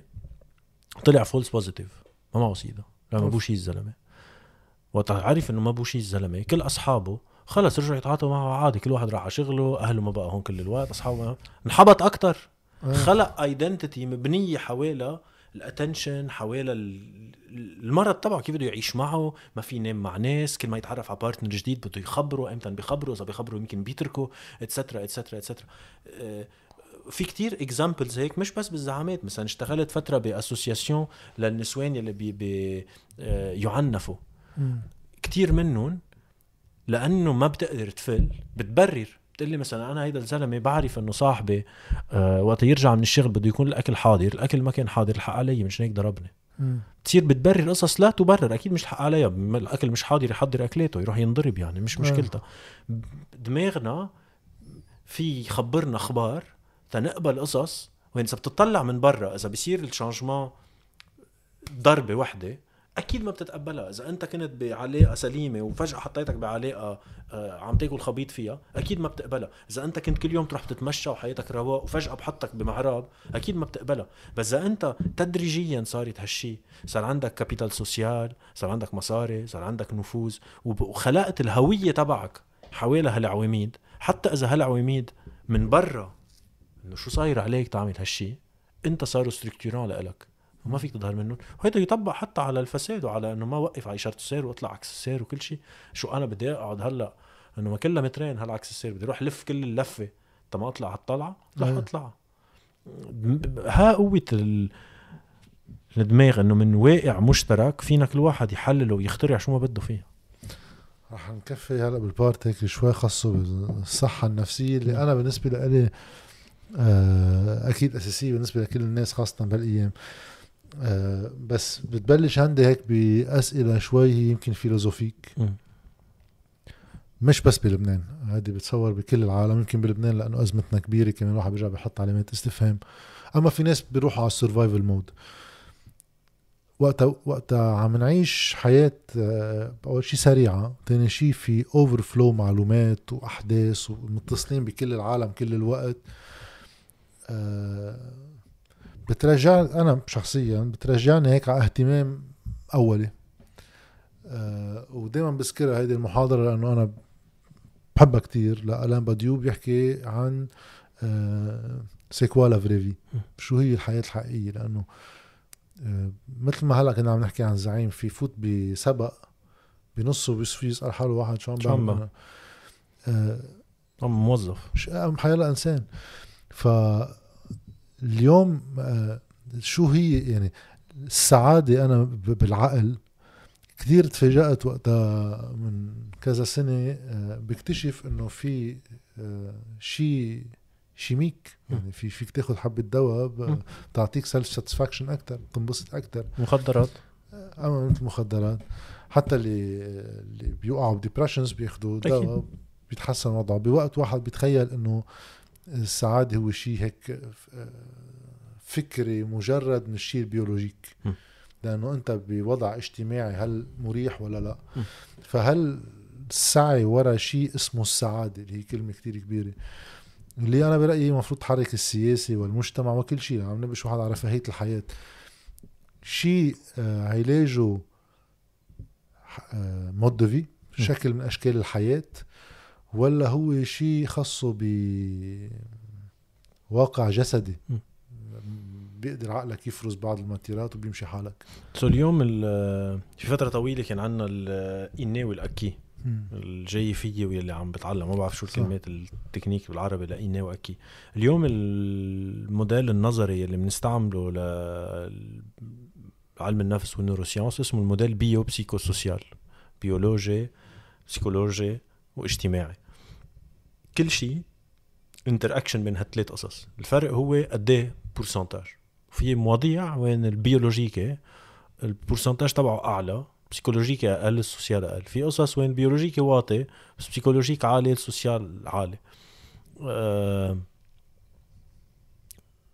happiness البسط. أه شيء بنسميه émotion complexe أه ال biologie أكيد مهم بس ال biologie ما عنده تقل كتير كبير بالنسبة لل psychologie وال social. شو يعني ال psychologie؟ يعني كيف أنا بعتبر حالي؟ هلا أنا زلمة عندي أه بعتبر حالي ذكي بعتبر حالي مهضوم بعتبر حالي حلو بعتبر حالي بشع et cetera و social هل المحيط يلي أنا فيه أه سليم. في يكون سليم لأنه لحالي في يكون سليم عندي group أصحاب في يكون سليم لأنه حسب في كل شغل واحد. حسب كل واحد. بس ال biologie واطي. كيف نعرف إنه ال biologie واطي؟ آم، في تقل. مثلا لل dépression بنعتبر إنه شي 10% 12% biologique. بنعمل عملنا دراسات لمثلا تخيل بيجي بيقول لك جاد أنت وظاهر البنايه اليوم. تنقول أنت عم بسألك قد إيه أنت مبسوط؟ لي 7 10 بقول لك جاد أنت وظاهر البنايه اليوم خبصتك سيارة صرت ب wheelchair تكرسحت. شو بصير بالبسط تبعك؟ حتقول لي بيتك قلبي بصير 2 على 10 so تنشوف ناس عن جد صار معهم هالشيء. بنلاحظ إنه بعد كم شهر بيرجع على ال baseline تبعهم. آه. بيرجعوا بصيروا عادي بيتاقلم so في ال biologie كمان ال chemistry تبع الدماغ. chemistry دماغ لاحظنا إنه كتير بتتأثر لهالعوامل بشو عم يصير بال psychosocial يعني إذا أنت عندك علاقة آه، سليمة مثلا وحدة من ال- الدراسات اللي عملت أكثر شيء على الفيران هي من زمان عملوا study حطوا فيران بقفص وحطوا له حطوا لهم حنفيتين واحدة بتعطيهم كوكايين وواحدة بتعطيهم مي وسكر. وفرجوا إنه ال- الفيران بياخذوا أكثر كوكايين لدرجة إنه بيعملوا overdose بموتوا من إنه ياخذوا المي وسكر so قالوا الكوكايين خطر وما بعرف شو et cetera. هي الكوكايين خطر بس مش بهيك بتمشي. بعد شي عشر سنين اجى عالم تاني عمل نفس ال- الاختبار بس حط بالقفص آه، غير فيران وزحليطات ودولاب وقصص إنه فيهم يترفهوا فيهم ما عاد همهم الكوكايين. so التقل تبع ال biologie تبع ال chimie تبع الدماغ يلي عم يأثر عليه الكوكايين البسط اللي عم يعطيه أقل من أقل من البسط اللي عم يجي من العلاقات الاجتماعية و et cetera هلأ بالآخر كمان في برتران راسل كتب كتب كتاب بحبه كتير philosophe mathématicien كتير بحبه كتب كتاب اسمه in the pursuit of happiness وكمان آه للوجد الوظيفتين التنبله الواحد ما إيه. يعمل شيء فيك تفوت بال côté ال bio ال psychosocial يعني بلا ال biologie بتركه تحورها happiness بطريقة وين بتصير هيدا الشيء ما فيك توصل له بحياتك هي حلوة بالكلمة كلمة ال pursuit إيه. لأنه دائما يعني حتى بال- بالدستور الأمريكي and the pursuit of happiness yes فهو دائما السعي وراء السعادة. ما فيك. كأنه ما فيك توصل لها كأنه فيك توصل له خصوصا إنه هلأ نحن بوضع بالعالم آه، في كتاب فرنساوي انكتب اسمه Happycratie نحن ب dictature تبع ال happiness يعني عندك آه، آه، courant طويل عريض self help كل الوقت بدك تكون كل الوقت مبسوط ممنوع تزعل ممنوع تكون زعلان بدك تضلك كل الوقت مبسوط تعمل يوغا بتاكل organic بتعمل آه، بيلاتس آه، بتاخد supplements et cetera هيدا الشيء paradoxically بخليك تكون أقل تقريبا مبسوط لأنه آه، عم تجرب تشتري السعادة تبعك وال happiness شيء اسمه propriété émergente مثل مثل النوم. إذا أنا بدي نام بقعد بالتخت كل وقت بسأل حالي هل أنا نايم؟ هل أنا نايم؟ ليه ما عم بقدر نام؟ ليه أنا ما عم بقدر نام؟ ما. بتقدر تنام. إذا أنت كل وقت تسال حالك هل أنا سعيد؟ هل أنا سعيد؟ شو عم بعمل؟ تكون سعيد. لازم نظبط الشكرة تبعي. لازم ننظف ال negative energy تبعي. لازم اقطع عن حالي ال toxic people لازم مدري شو ما بتكون مبسوط. كيف بتكون مبسوط؟ تكون أنت وأصحابك. ما عم تفكر بالموضوع. بتعملوا سهرة بتلعبوا. فيفا وما بعرف شو. ترجع على البيت بتقول today was a good day. اليوم كنت نهار مبسوط. it's a propriété émergente بتجي وقتها تعمل غير قصص. بس هيدا الشيء اللي واليوم بالرأسمالية لأنه كل شيء سياسي كنت جاي أحكيك فيها هلا في عندك injonction of perfection of تكون perfect إن كان على الجسم مثلا شفنا مؤخرا طلعت دراسة ما بعرف حكى عنها هون كتير بس حكينا عنها كتير بفرنسا دراسة عن ال negative impact تبع انستغرام على teenage girls البنات. الصغار المراهقات. من ال expectations تبع الأجسام الخيالية على انستغرام كيف عم يحرق لهم دين ال self esteem تبعهم. عندك شيء اسمه orthorexia يعني في anorexie الناس اللي بتضعف حالها كتير في ال boulimie الناس بتاكل كتير. هلأ في مرض جديد اسمه orthorexie الناس اللي بدها تاكل كل الوقت قصص سليمة. ما باكل إلا قصص وبتصير مرض لأنه إذا بالغلط أكلت وحدة تشيبس بتحس حالك إنه تلوثت بالأمريكان بيقولوا my body is. my temple إنه أنا هيدا اللي وعندك الرأسمالية طبعا إنه هيدا الشيء كتير بكلف مصاري. عندك life coach عندك هلأ بالشركات شيء اسمه chief happiness officer CHO هدول ال postes شغلتهم يهتموا إنه الموظفين يكونوا مبسوطين. هيدا شيء كتير خطير لأنه ساعتها الشركات لأنه بالاخر هيدا الرأسمالية الشركات صارت عم تاخد على عاتقها ال- النفسية تبع الموظف. يعني الامبليسيت كونتراكت عم يصير إنه أنا جايب لك تشيف هابينس اوفيسر أنت بدك تشتغل وتسب منيحك ممنوع تكون زعلان بقى. سو عم تخلق هذه ريف تبع هالهابي كراسي يعني عم تخلق ناس كل الوقت كل الوقت كل الوقت مش مبسوطين وكل الوقت عم يحطوا افرت أكتر تيصيروا مبسوطين وعم يحسوا بهالفضاوة الاكزيستنسيال تبع الحياة إنه ما بقى شيء له معنى بينما البسط بيجي من وقت تعمل غير شيء كنت عم تحكي عن رأسمالية في self help تحديدا يعني إيه. من أكثر الكتب اللي بتنباع هلأ إيه. ويعني جوردن بيترسون وهذا ال movement؟ هلا في كتير حلو كان ال debate بين جوردن بيترسون وسلافوي جيجك على آه. شغلة أنا بالنسبة لي. فكرة إنه self help في كأنه فكرة أولية لتوصل لها هي فكرة السعادة انطلاقا من الفرد لحاله. مزبوط واللي هي فكرة الفردية الاندفجواليزم جاي من الرأسمالية كمان لحاجة كل واحد يشتغل ويدبر استقلاله المادي. فهيدا المسار بينفي إمكانية تأثير ال- الوضع العام على سعادتك يعني هون بلبنان المفروض كنا هلأ عم نعيش إنه كيف السعادة بين المزدوجين يعني كلمة كتير واسعة. آه إلها سقف إذا البيئة اللي أنت عايش فيها مش موفرت لك شروطها. فهيدا بيصير عكس الفردية. فقديش آه، بيقدر واحد خاصة بأوروبا لأن أوروبا ال capitalism شوي آه، متفاعل أكتر من عنا. نحن بنستورد كتير بس بعده نمط حياتنا شوي بطيء. أكيد. آه، قديش في إمكانية للخروج من system هالقد كبير؟ يعني أنا بتيجي تطلب من واحد يطلع من فرديته بوقت ما هو ال system كله راكب على الفردية كأنه ال- أياماتك هي للشغل. هلا أنت مثلا وأنا شوي أوقاتنا منا محكومة بوظيفة. إيه كان كثير بس 90% من المجتمع مش كثير كثير صعب كثير صعب. وهيدا ال self help مثلا أول شيء عم يعمل آه، شيء اسمه des mouvements sectaires عم يخلق مثل sects. آه guru يات بياخدوا كتير كتير مصاري. يعني ال self help بيقول لك إنه أنت ساعد حالك بس بالنهاية كتب ال self help بيقولوا لك إنه ال guru رح يساعدك. الكاتب يعني جوردن بيترسون بيقول لك self help أنا جوردن رح ساعدك.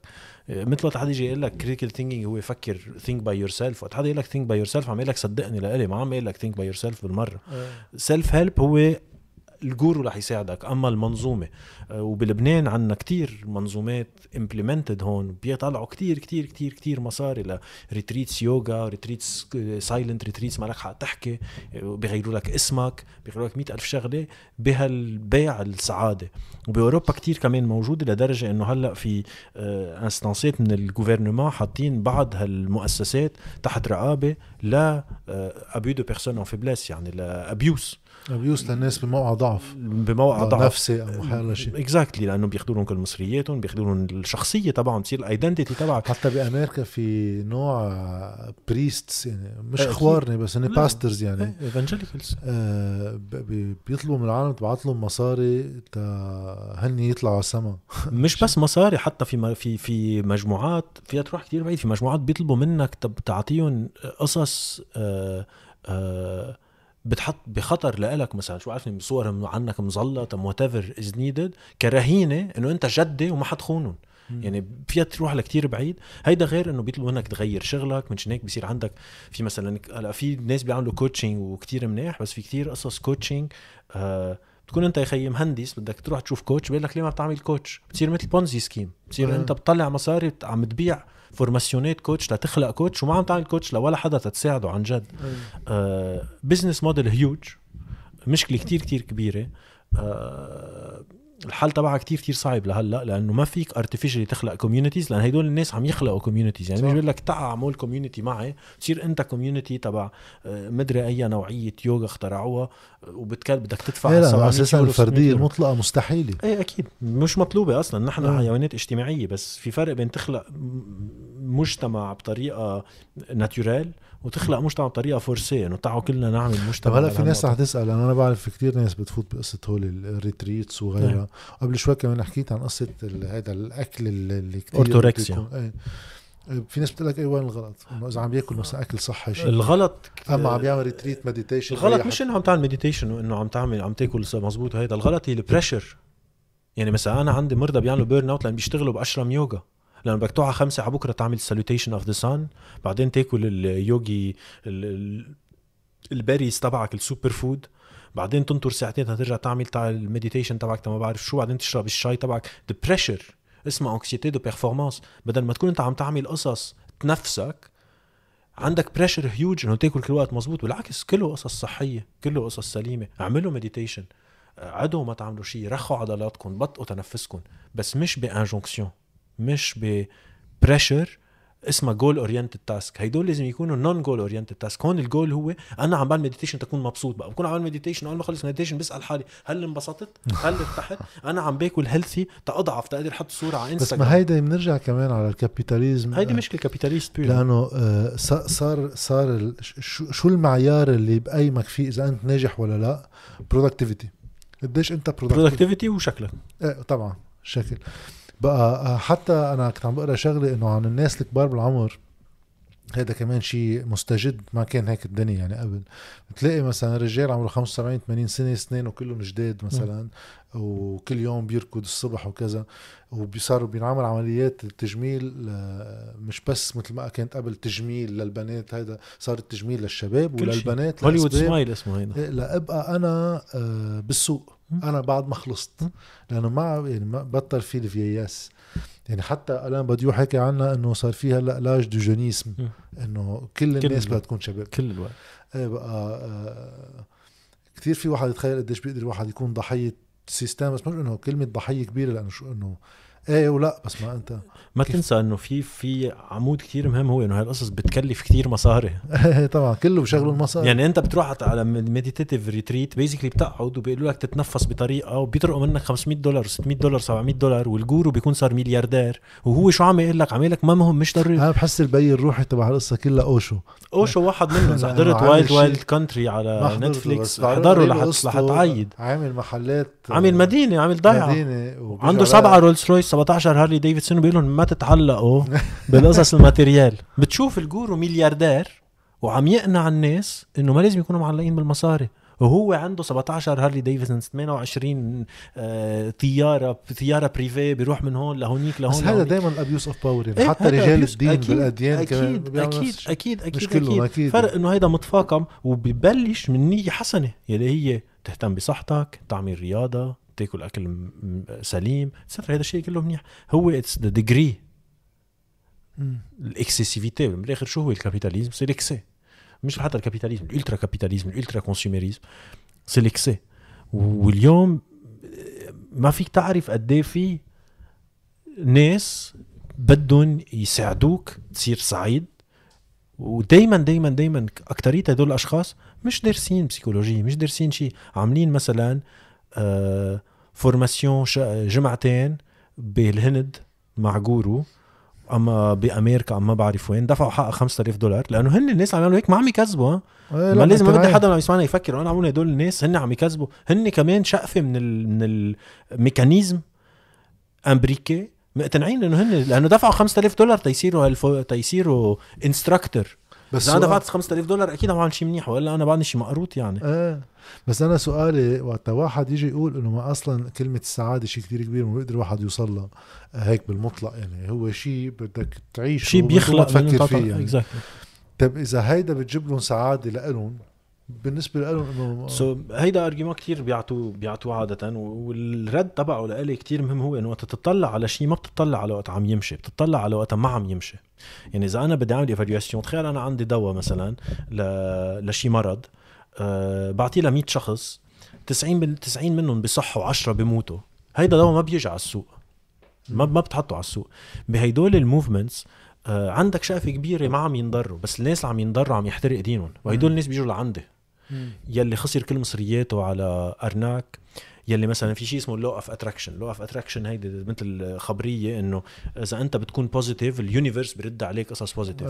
المشكلة إنه ما بتمشي بقى ال- الناس اللي عم تمشي معهم كتير منيح بس الناس ما عم تمشي معهم بيصيروا عم يفكروا ليه ال universe زعلان مني؟ شو بدي أعمل أنا تارجع آه، يعني صالح الكون؟ الكون كله قايم ضدي عم بكون positive وما عم يجيني مصاري عم بكون positive وما عم يجيني شغل. ال distress ال psychological distress تبع هالقصص وقتها ما يكون كل شيء ماشي منيح.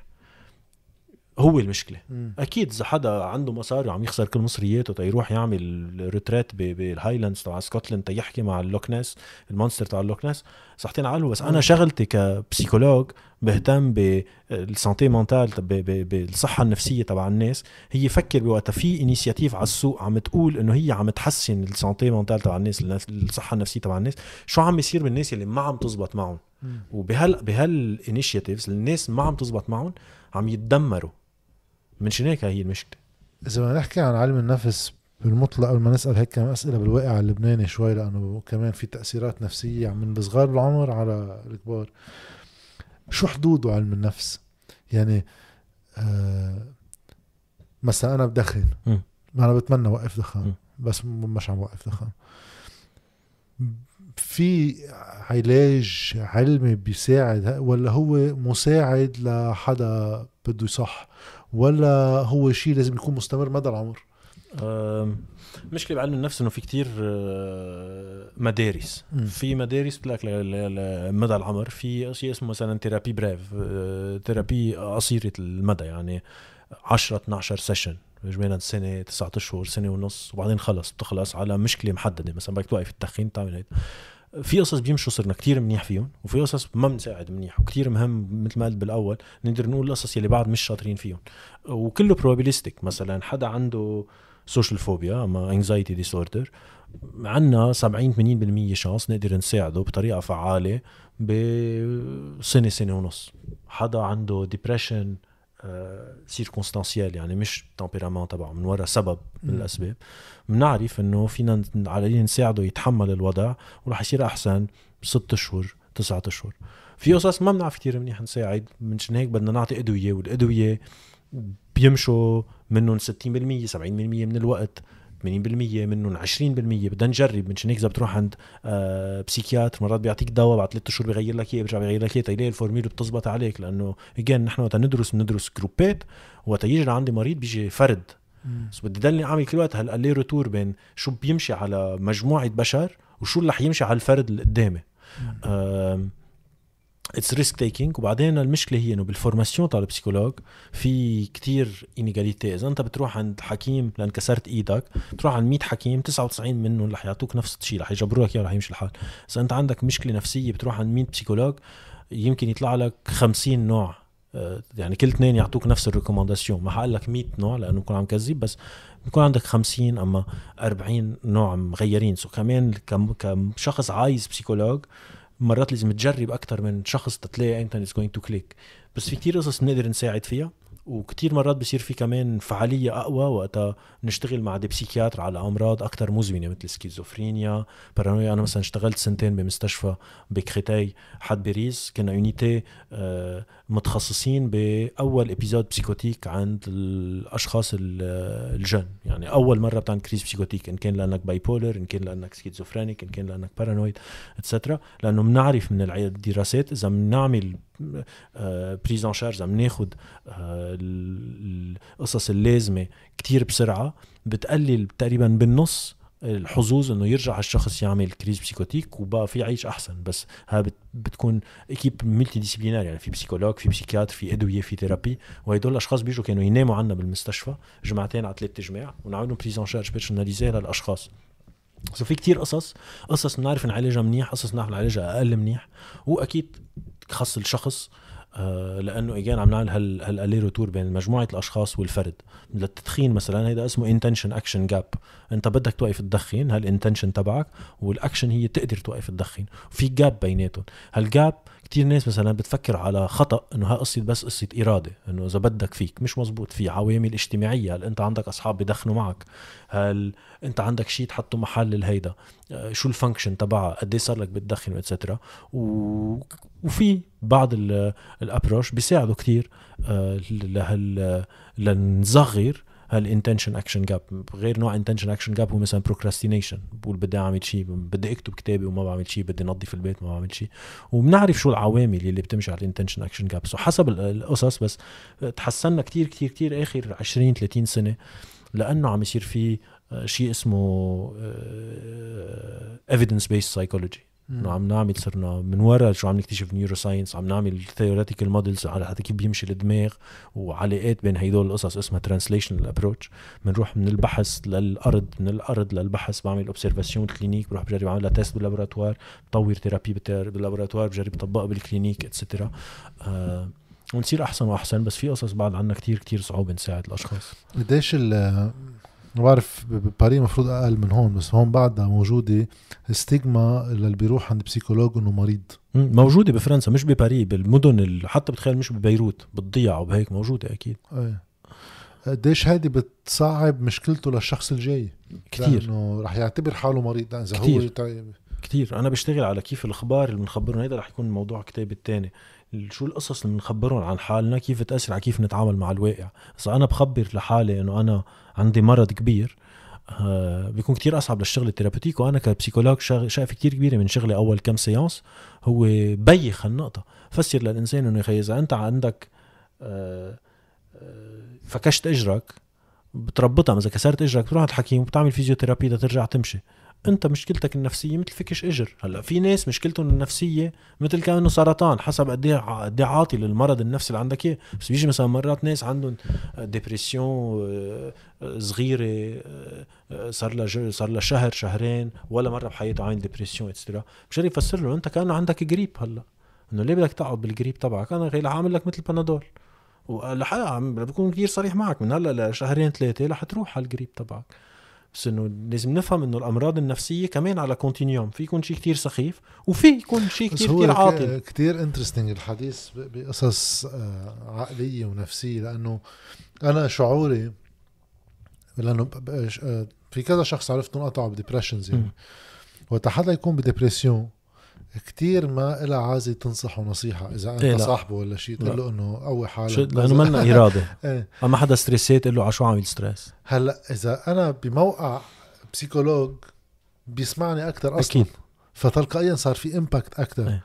لأنه بتعرف عن شو عم تحكي اسمه ال messenger effect مش حتى لأن بعرف إذا أنا حتى هو مفكرني psychologue وأنا مني psychologue وبقول له شو أنت قلت له بيمشي حاله في يمشي حاله. إذا شيء dépression légère إيه. اسمه هيدا ال effet dodo إنه في بعض الأمراض النفسية بدك بس علاقه ثقة بين الشخص اللي عنده المشكلة والشخص اللي عم يساعده شو ما قال له رح يتحسن وفي قصص لا بدك يكون عندك خبرة وتعرف شو عم تعمل لأن إذا بتعمل شيء بتوب بتعوره. بتعوره للزلمة اسمه ال iatrogenic effect of therapy يعني فيها therapy تكون شيء بتضر اذا ال thérapeute تبعك ما بيعرف شو عم يعمل بس the messenger effect شيء كثير مهم ال therapeutic alliance قد انت بت- في عنا علاقه متينه بين بعض كثير بتاثر على كيف ال therapy رح تمشي الاخبار اللي بتخبرهم عن حالك وال هيدا chapter بكتابي الجاي هو انه لفتره كتير طويله فصلنا العقل ال psychologie من الجسم من الجسد بس هن واحد يعني بالاخر ال- ال psychologie تبعي هي substrat من دماغي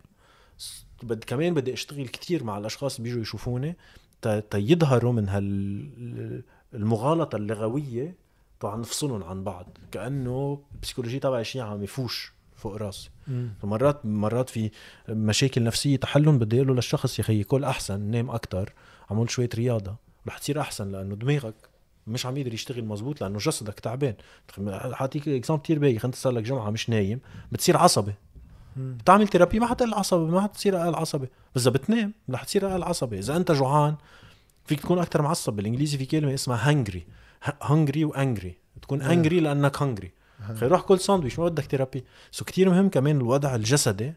اسمها هيدا embodied cognition إنه أفكاري بيجوا من الخارج بس بيجوا كمان من وضع الجسدي. so مرات كتير بدك تعمل meditation تعمل رياضة بلا ما تفوت بال excès تبع ال happycratie اللي كنا عم نحكي عنه. قبل. بس بتصير كلها قصة dosage.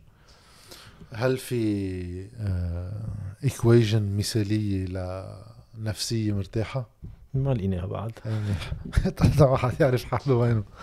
بالموضوع اللبناني آه، شو إفيه آه، كتار متشعبين بس خصوصا على الناس اللي انضرب ال mode de vie تبعها بشكل كتير أساسي وصار مستقبلها القريب فلو يعني شو شو بيأثر على تربية الأولاد وشو بيأثر على الأولاد اللي بهيك environnement آه وأي متى واحد بيسأل حاله إذا بحاجة ل يروح عند psychologue ما بدي خوف حدا آه، بس رح نجاوب على السؤال بشقين. في الشق النفسي وفي الشق البيولوجي على الدماغ.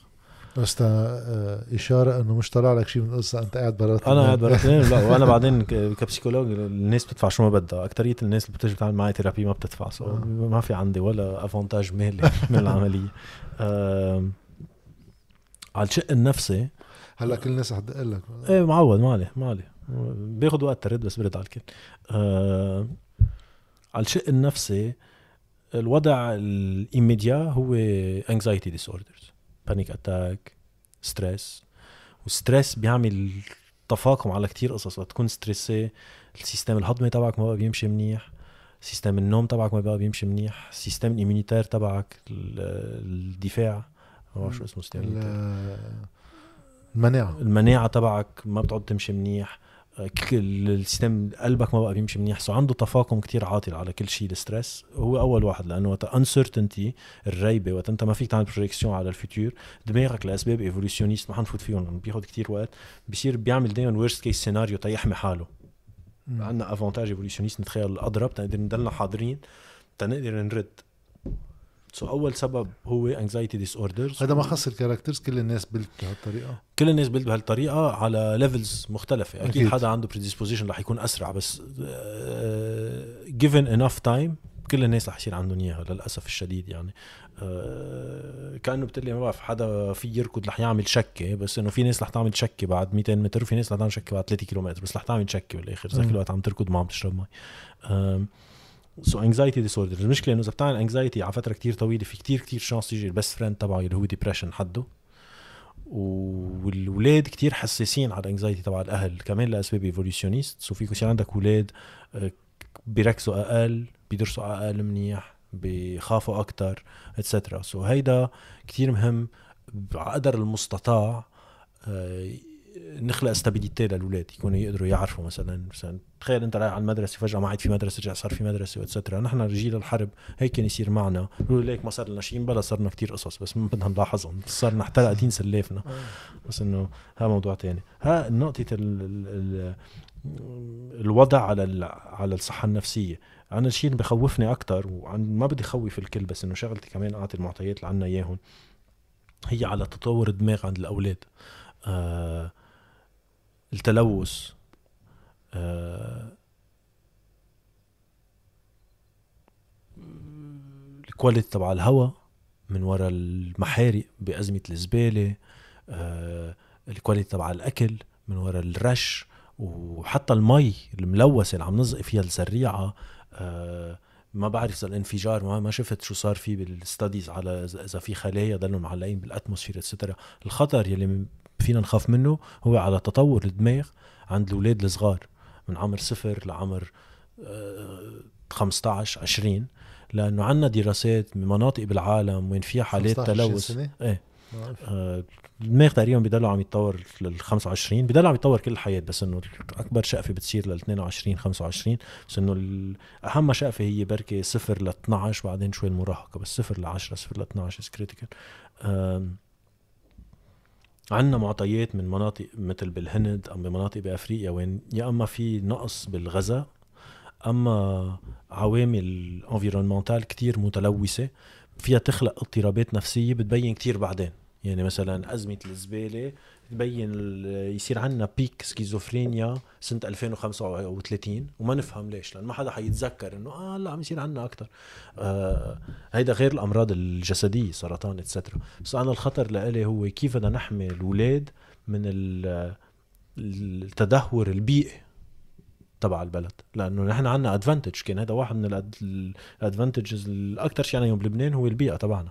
عندك قريب على الطبيعة هواء نقي زريعة بنعرف من وين جاية آه مي آه متوفرة. إذا ironically فادتنا شيء الازمه إنه لا كهرباء فيه ولا طرقات بقى فيها سيارات اذا كثير شيء مش بس الأزمة للكوفيد. هيدا حتى على كوكب الأرض آه، شفنا drop يعني كوفيد ساعد global warming أكثر من كل السياسات يلي انعملوا. آه، بلبنان عندنا كوفيد. والأزمة. إيه أكيد. آه الأزمة أكيد ساعدتنا بركي على هالنقط بس هيدا الشيء لازم ننتبه عليه كتير إنه بنفكر بس نحن ب آه إيه الزبالة ما بدنا نشوفها عم نحطها بالمحرقه أو هيدا بس في خطر جسدي على التطور ال neurogenesis وال development تبع ال cerveau تطور ال- الدماغ آه على هدول النقاط. ما في شيء نعمله للأسف ما في نطلب من كل الناس عندهم أولاد يفلوا بس إنه لازم نكون واعيين لهالشيء تبركي نتحرك لأنه وقت نخاف على غيرنا مرات نتحرك أكثر من وقت نخاف على حالنا. آه، قديش الأدوية ال- للأعصاب؟ لأنه كمان في كتير حكي بينحكى هذا شيء كتير مضر لا شيء مش مضر. هول شو آثارهم؟ أه حسب عن اي دواء مثل كل باقي الأدوية. أه déjà يعني طورنا كتير كتير كتير آخر 20 سنة على النطاق الأدوية. يعني مثلا ال antidepressants كان ياخذهم أه شخص سنة 1990 أما حتى سنة 2000 كتير غير عن شو بناخذ اليوم. وفي كتير أدوية صرنا كتير منيح فيهم ومنهم ما بنعرف حتى ليش كتير منيح بيمشوا لأنه again بالعلم لازم مش بس يكون شيء بيمشي لازم نعرف ليش بيمشي شو ال mécanisme d'action تبعه. مثلا ال antidepressants بيشتغلوا على شيء اسمه reuptake تبع السيروتونين واليوم عندنا شكوك إنه من ورا السيروتونين عم يصير شيء أحسن. بنعرف إنه بيمشوا ما بنعرف ليش. آه في قصص بتمشي. وفي باقي الأدوية آه وين هذا الحل الوحيد اللي عندنا إياه؟ بنعرف إنه منهم كتير منيح. بنعرف إنه عندهم effets secondaires آه كتير عاطلين بس ما عندنا حل. وكتير مهم نكون صريحين وقت نفسر هالنقاط للأشخاص اللي عندهم بعض الأمراض إنه عم نعطيكم أحسن شيء إياه اليوم. وهيدا الشيء أحسن شيء عندنا اليوم منه كتير منيح. بس بعض الأمراض مثلا بعض ال antidépresseurs بعض ال anxiolytiques و etcetera ما عندهم كتير effets secondaires وفينا نوقفهم بطريقة سهلة و etcetera وبعض الأدوية لا عندهم effets secondaires كتير قوية بس بدلهم ال risk benefits تبعهم ال benefits أعلى مع إنه يمكن يصير عندك ليبيدو تنقص يمكن تصير تنصح يمكن etcetera بس بدلها أحسن من انه تعمل مثلا crise psychotique أما crise bipolaire أما هيك قصص. so so, كثير بتفرق أي دواء بس إنه again لازم نرجع نتذكر إنه الصحة النفسية معلقة بالصحة الجسدية إنه المغالطة لغوية نفصلهم عن بعض. ومرات آه كيف واحد بيقبل ياخذ مثلا دواء قلب للحياة؟ وما بيقول معقول أنا بدي اخذه كل حياتي؟ في أمراض نفسية وين تنساعد الدماغ بده واحد ياخذ دواء لكل حياته. ولازم نشيل ال stigma عن الموضوع. انه إيه أنا كل يوم بدي آخذ دواء لأنه إذا ما بياخذ الدواء تبعي آه بيت عندي مرض bipolar وبعمل crise آه maniaque والأضرار كتير كتير أكبر من إنه ياخذ هالدواء من هلأ لموت مثل ما في ياخذ دواء سكري أو دواء ضغط. اجتماعية تبع واحد إيه. يحط حاله إنه أنا مريض. إيه. أنت منك مريض ما لازم تحط شخصيتك بالمرض أنت عندك مرض وعندك كل شيء تاني مين أنت. مثل ما أنا عندي سكري بس ماني السكري تبعي. عندي هالنقطة فيي بس غير هيك أنا كمان بحب أحضر كوميدي بروح على السينما وبحب ساعد أصحابي وهيدا. هلأ في في شيء بينقال إنه آه، هيك إنه هل في إنسان ما عنده مشكل نفسي؟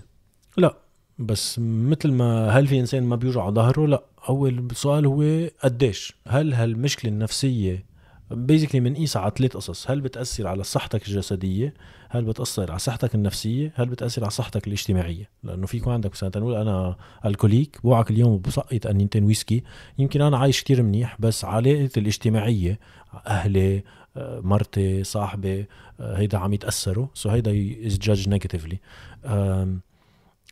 وقت انت مشاكلك النفسية اللي كلنا عنا اياهم عم يأثروا على واحد من هدول الثلاث قصص بنقطع من ال normal على شيء اسمه pathologique بصير بدك آه إذا قبلين مساعدة. بس it's continuum يعني كلنا مثلا نقطع بأيام مدبرسين اسمه هيدا state of depression بس المشكلة هي إذا صار أنت عندك trait of depression اكثريه الأيام أنت مدبرس ومن فترة لفترة بيقطع نهار منك مش مدبرس. بس أكيد كلنا مرات مدبرسين كلنا مرات بنكون stressé كلنا مرات آه عندي شيء اسمه pensée magique بتخيل شيء فكرة إنه شو بعرف عندي télépathie etcetera بس مش مشكلة هي قديش. آه في شيء بالعالم كله شغال يعني بلبنان كمان شغال وبتصور يمكن بالعالم العربي بس هون ما حدا بيحكي فيه. اللي هو آه الروحة على كل شيء قصص بيشتروا إدمان بس مثل الحشيش على مية قصة أيواسكا وقصص آه عم تنتشر وفي محلات بيعتبروها إنه آه شيء كتير عاطل وفي محلات بيعتبروها لأ شيء منيح في موقف من هالقصص؟ إيه حسب الاستعمال أنا أنا كتبت مقال عن عن drugs مثلا بالإنجليزي ما عندنا كلمة بتفرق بين المخدرات والأدوية. اثنيناتهم اسمهم drugs وهذا الشيء بيأثر كتير على كيف نتعامل مع الموضوع.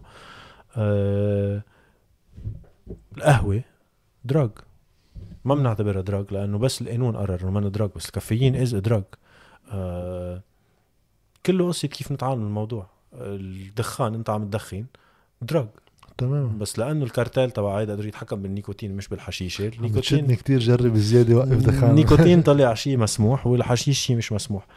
كله حسب اجى نرجع على قد إيه عم يأثر عليك على صحتك النفسية وعلى صحتك الاجتماعية. إذا واحد بياخذ psilocybin مثلا ال ingredient تبع ال mushroom ال hallucinogène الفطر ال hallucinogène إذا عم ياخذ مرة بالشهر تيروح مع أصحابه يفرطوا ضحك بالغابة آه، ليه لا؟ بينما إذا حدا كل يوم عم يشرب قنينة فودكا اللي هو شيء مسموح رح يكون عنده تضاعفات كتير أضرب منه. بالقلب إذا واحد بيشرب كبايه ويسكي مرة بالشهر ليه لا؟ وإذا كل يوم عم ياخذ mushrooms خاصه بقصه الإدمان. خاصه بالإدمان خاصه بال النظرة اللي بتنعكس عليك وعلى الآخر لأنه في كمان الستيغما تبع البقايا. إذا أنا مثلا ماني مدمن بس حدا بيعرف إني بحشش يمكن بيصير بيطلع علي بغير نظرة لأنه المجتمع اللي حاضني بيعتبر إنه الحشاشين شيء مش منيح. سو ريليشن شيب بين قد ليش؟ وكيف الناس بتشوفك.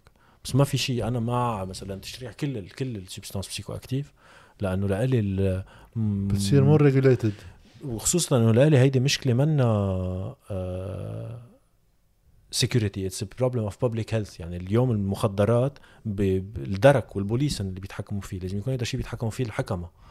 once بتشيل من إيد البوليس وال status تبع ال- البوليس البول- البوليس آه، هيدول ال substances كل شيء بيصير أهون لأنه it's it's بعدين بصير في توعية شوي فيه إيه، يعني exactly. الناس تعرف لأنه هلا بفرنسا مثلا عم يفتحوا شيء اسمه salle de shoot إذا أنت مثلا بتاخذ هيروين وهيك فيك تروح على محل حطه بتصرفك البلدية. تقدر يطلع لك آه needles نضاف طب مش تلقط مئة ألف مرض لأنه عم تمرق لبعض needles وخايف وخصوصا إذا أنت قررت بدك توقف منك خايف تروح على الحبس فيك تروح تحكي مع حكيم تقول له يا أخي أنا ما بدي بقى أعمل هيروين فيك تساعدني أظهر منه.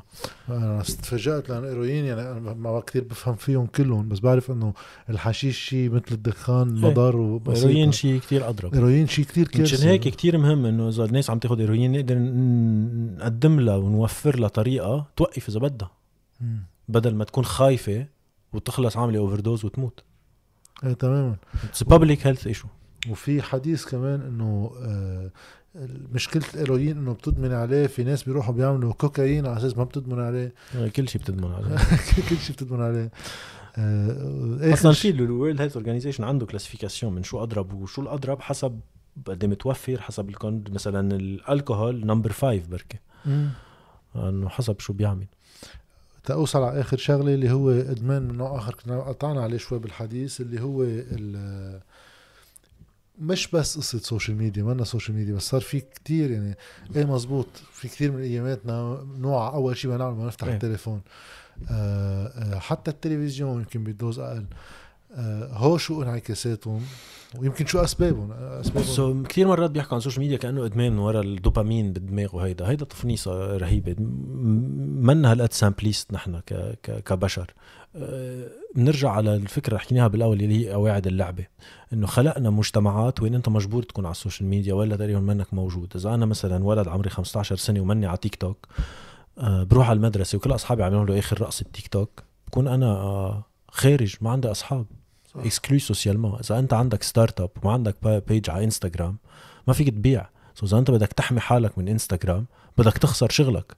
آه بنبرر هيدا لأنه الراسماليه بتعمل شيء تشخيص على ال individu إنه هيدا دماغنا مم. يلي هو عنده إدمان على ال likes وعلى المش likes. بس هي المشكلة هي اجتماعية.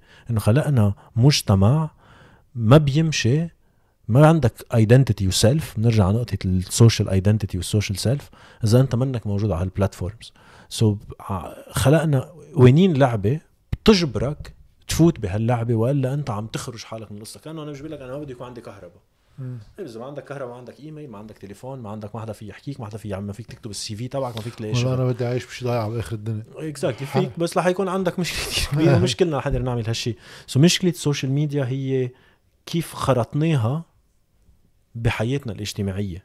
أكثر من مشكلة نفسية أما دماغ. المشكلة النفسية بتجي من آه، تفاقم هالانخراط بالحياة اللي كنا عم نحكي عنه. body image عند المراهقات مثلا لأنه عن جد طلع هيدا أصعب شيء فعليا يعني. وهيدا موجود كان من أيام الدعايات والتلفزيون وكل شيء. بعرف سندي أهل. عندهم هيدا السؤال يعني. لأنه مثلا أنا على أيامي أول مرة حملت تليفون كان عمري 18 مم. خلصت مدرسة. هلأ على السبعة ثمانية. إيه، هلأ بصيروا يسألوا دائما حالهم قال إنه أي متى؟ لأنه المشكل ما في جواب صح. ما في جواب صح. الشيء اللي بنعرفه إنه screens قبل عمر ثلاث سنين is very bad هذا؟ بنعرفه. لأنه بيقطع ال social Interaction. interaction basically لازم نفهم ال codes تبع وال screen مش بس للولد screen كمان للأهل. يعني تكون أنا قاعد مع ابني عمره سنتين وأنا على تليفوني بيحكيني ما عم بتطلع بعيونه هذا شيء كتير مش منيح لل social cognition تبعه. عايزين هلأ عم نطلع بعيون بعض مرات ما بتطلع برجع بتطلع بس هون بنرجع إنه في. ظروف مثلا القدرات المادية تبع الأهل بصير عندهم 100 شغلة وكذا فبيعتبروها طريقة تيسكتوه. إيه بيحطوا له يوتيوب. بيسكت. بعد عمر ثلاثة طبعا ينطر ثلاث سنين معلش. آه، بعدين المشكلة ما بتصير بقى screen بتصير شو في على ال screen هل عم تحطه تيسكت؟ أم هل عم تدرسوا ال mathématiques théorème de Pythagore على course online على Coursera. هيدا اللي بيفرق بصير الاستعمال بصير الاستعمال مثل يا تاكل شوكولا. إيه مثل تاكل شوكولا. إذا كل يوم عم تغدي لأبنك نوتيلا نوتيلا نوتيلا عم تضره. إذا مرة في زمان بتعطينا له كريب نوتيلا ماشي الحال. بتصير شو في على ال screen. بس الشيء اللي بنعرفه إنه قبل ثلاث سنين فكرة مش منيحة لأنه بتأثر على ال social cognition بعد ثلاث سنين شو في على ال screen؟ وأكيد قديش. عم تحط ابنك على ال screen بيرجع من المدرسة من الساعة 7 5 للساعه ليفوت ينام. مش منيح. وبنفس الطريقة إذا بتحطه قدام كتاب قلت له يقرأ من الخمسة للتسعه بالليل كمان مش منيح. قلت له يروح يلعب football من الخمسة للتسعه كمان مش منيح. بدنا variability شوية video games شوية قراية شوية رياضة شوية أصحاب. أصدقاء شوية jeux de société شوية et cetera بال diversification نفس الطريقة للأكل. شوية خضرة آه، شوية wok شوية تايلاندي شوية إيطالياني شوية بيتزا شوية هيدا. ما فيك إنه تعمل شيء وحدة monomaniac يعني في conclusion بتزبط آه، يعني من السياسة للصحة لهذا فيش ت- ت- توازن إيه. وال balance بالحياة. It depends طولنا عليك كتير. thank you very much thank you لك. ميرسي لك. ميرسي جان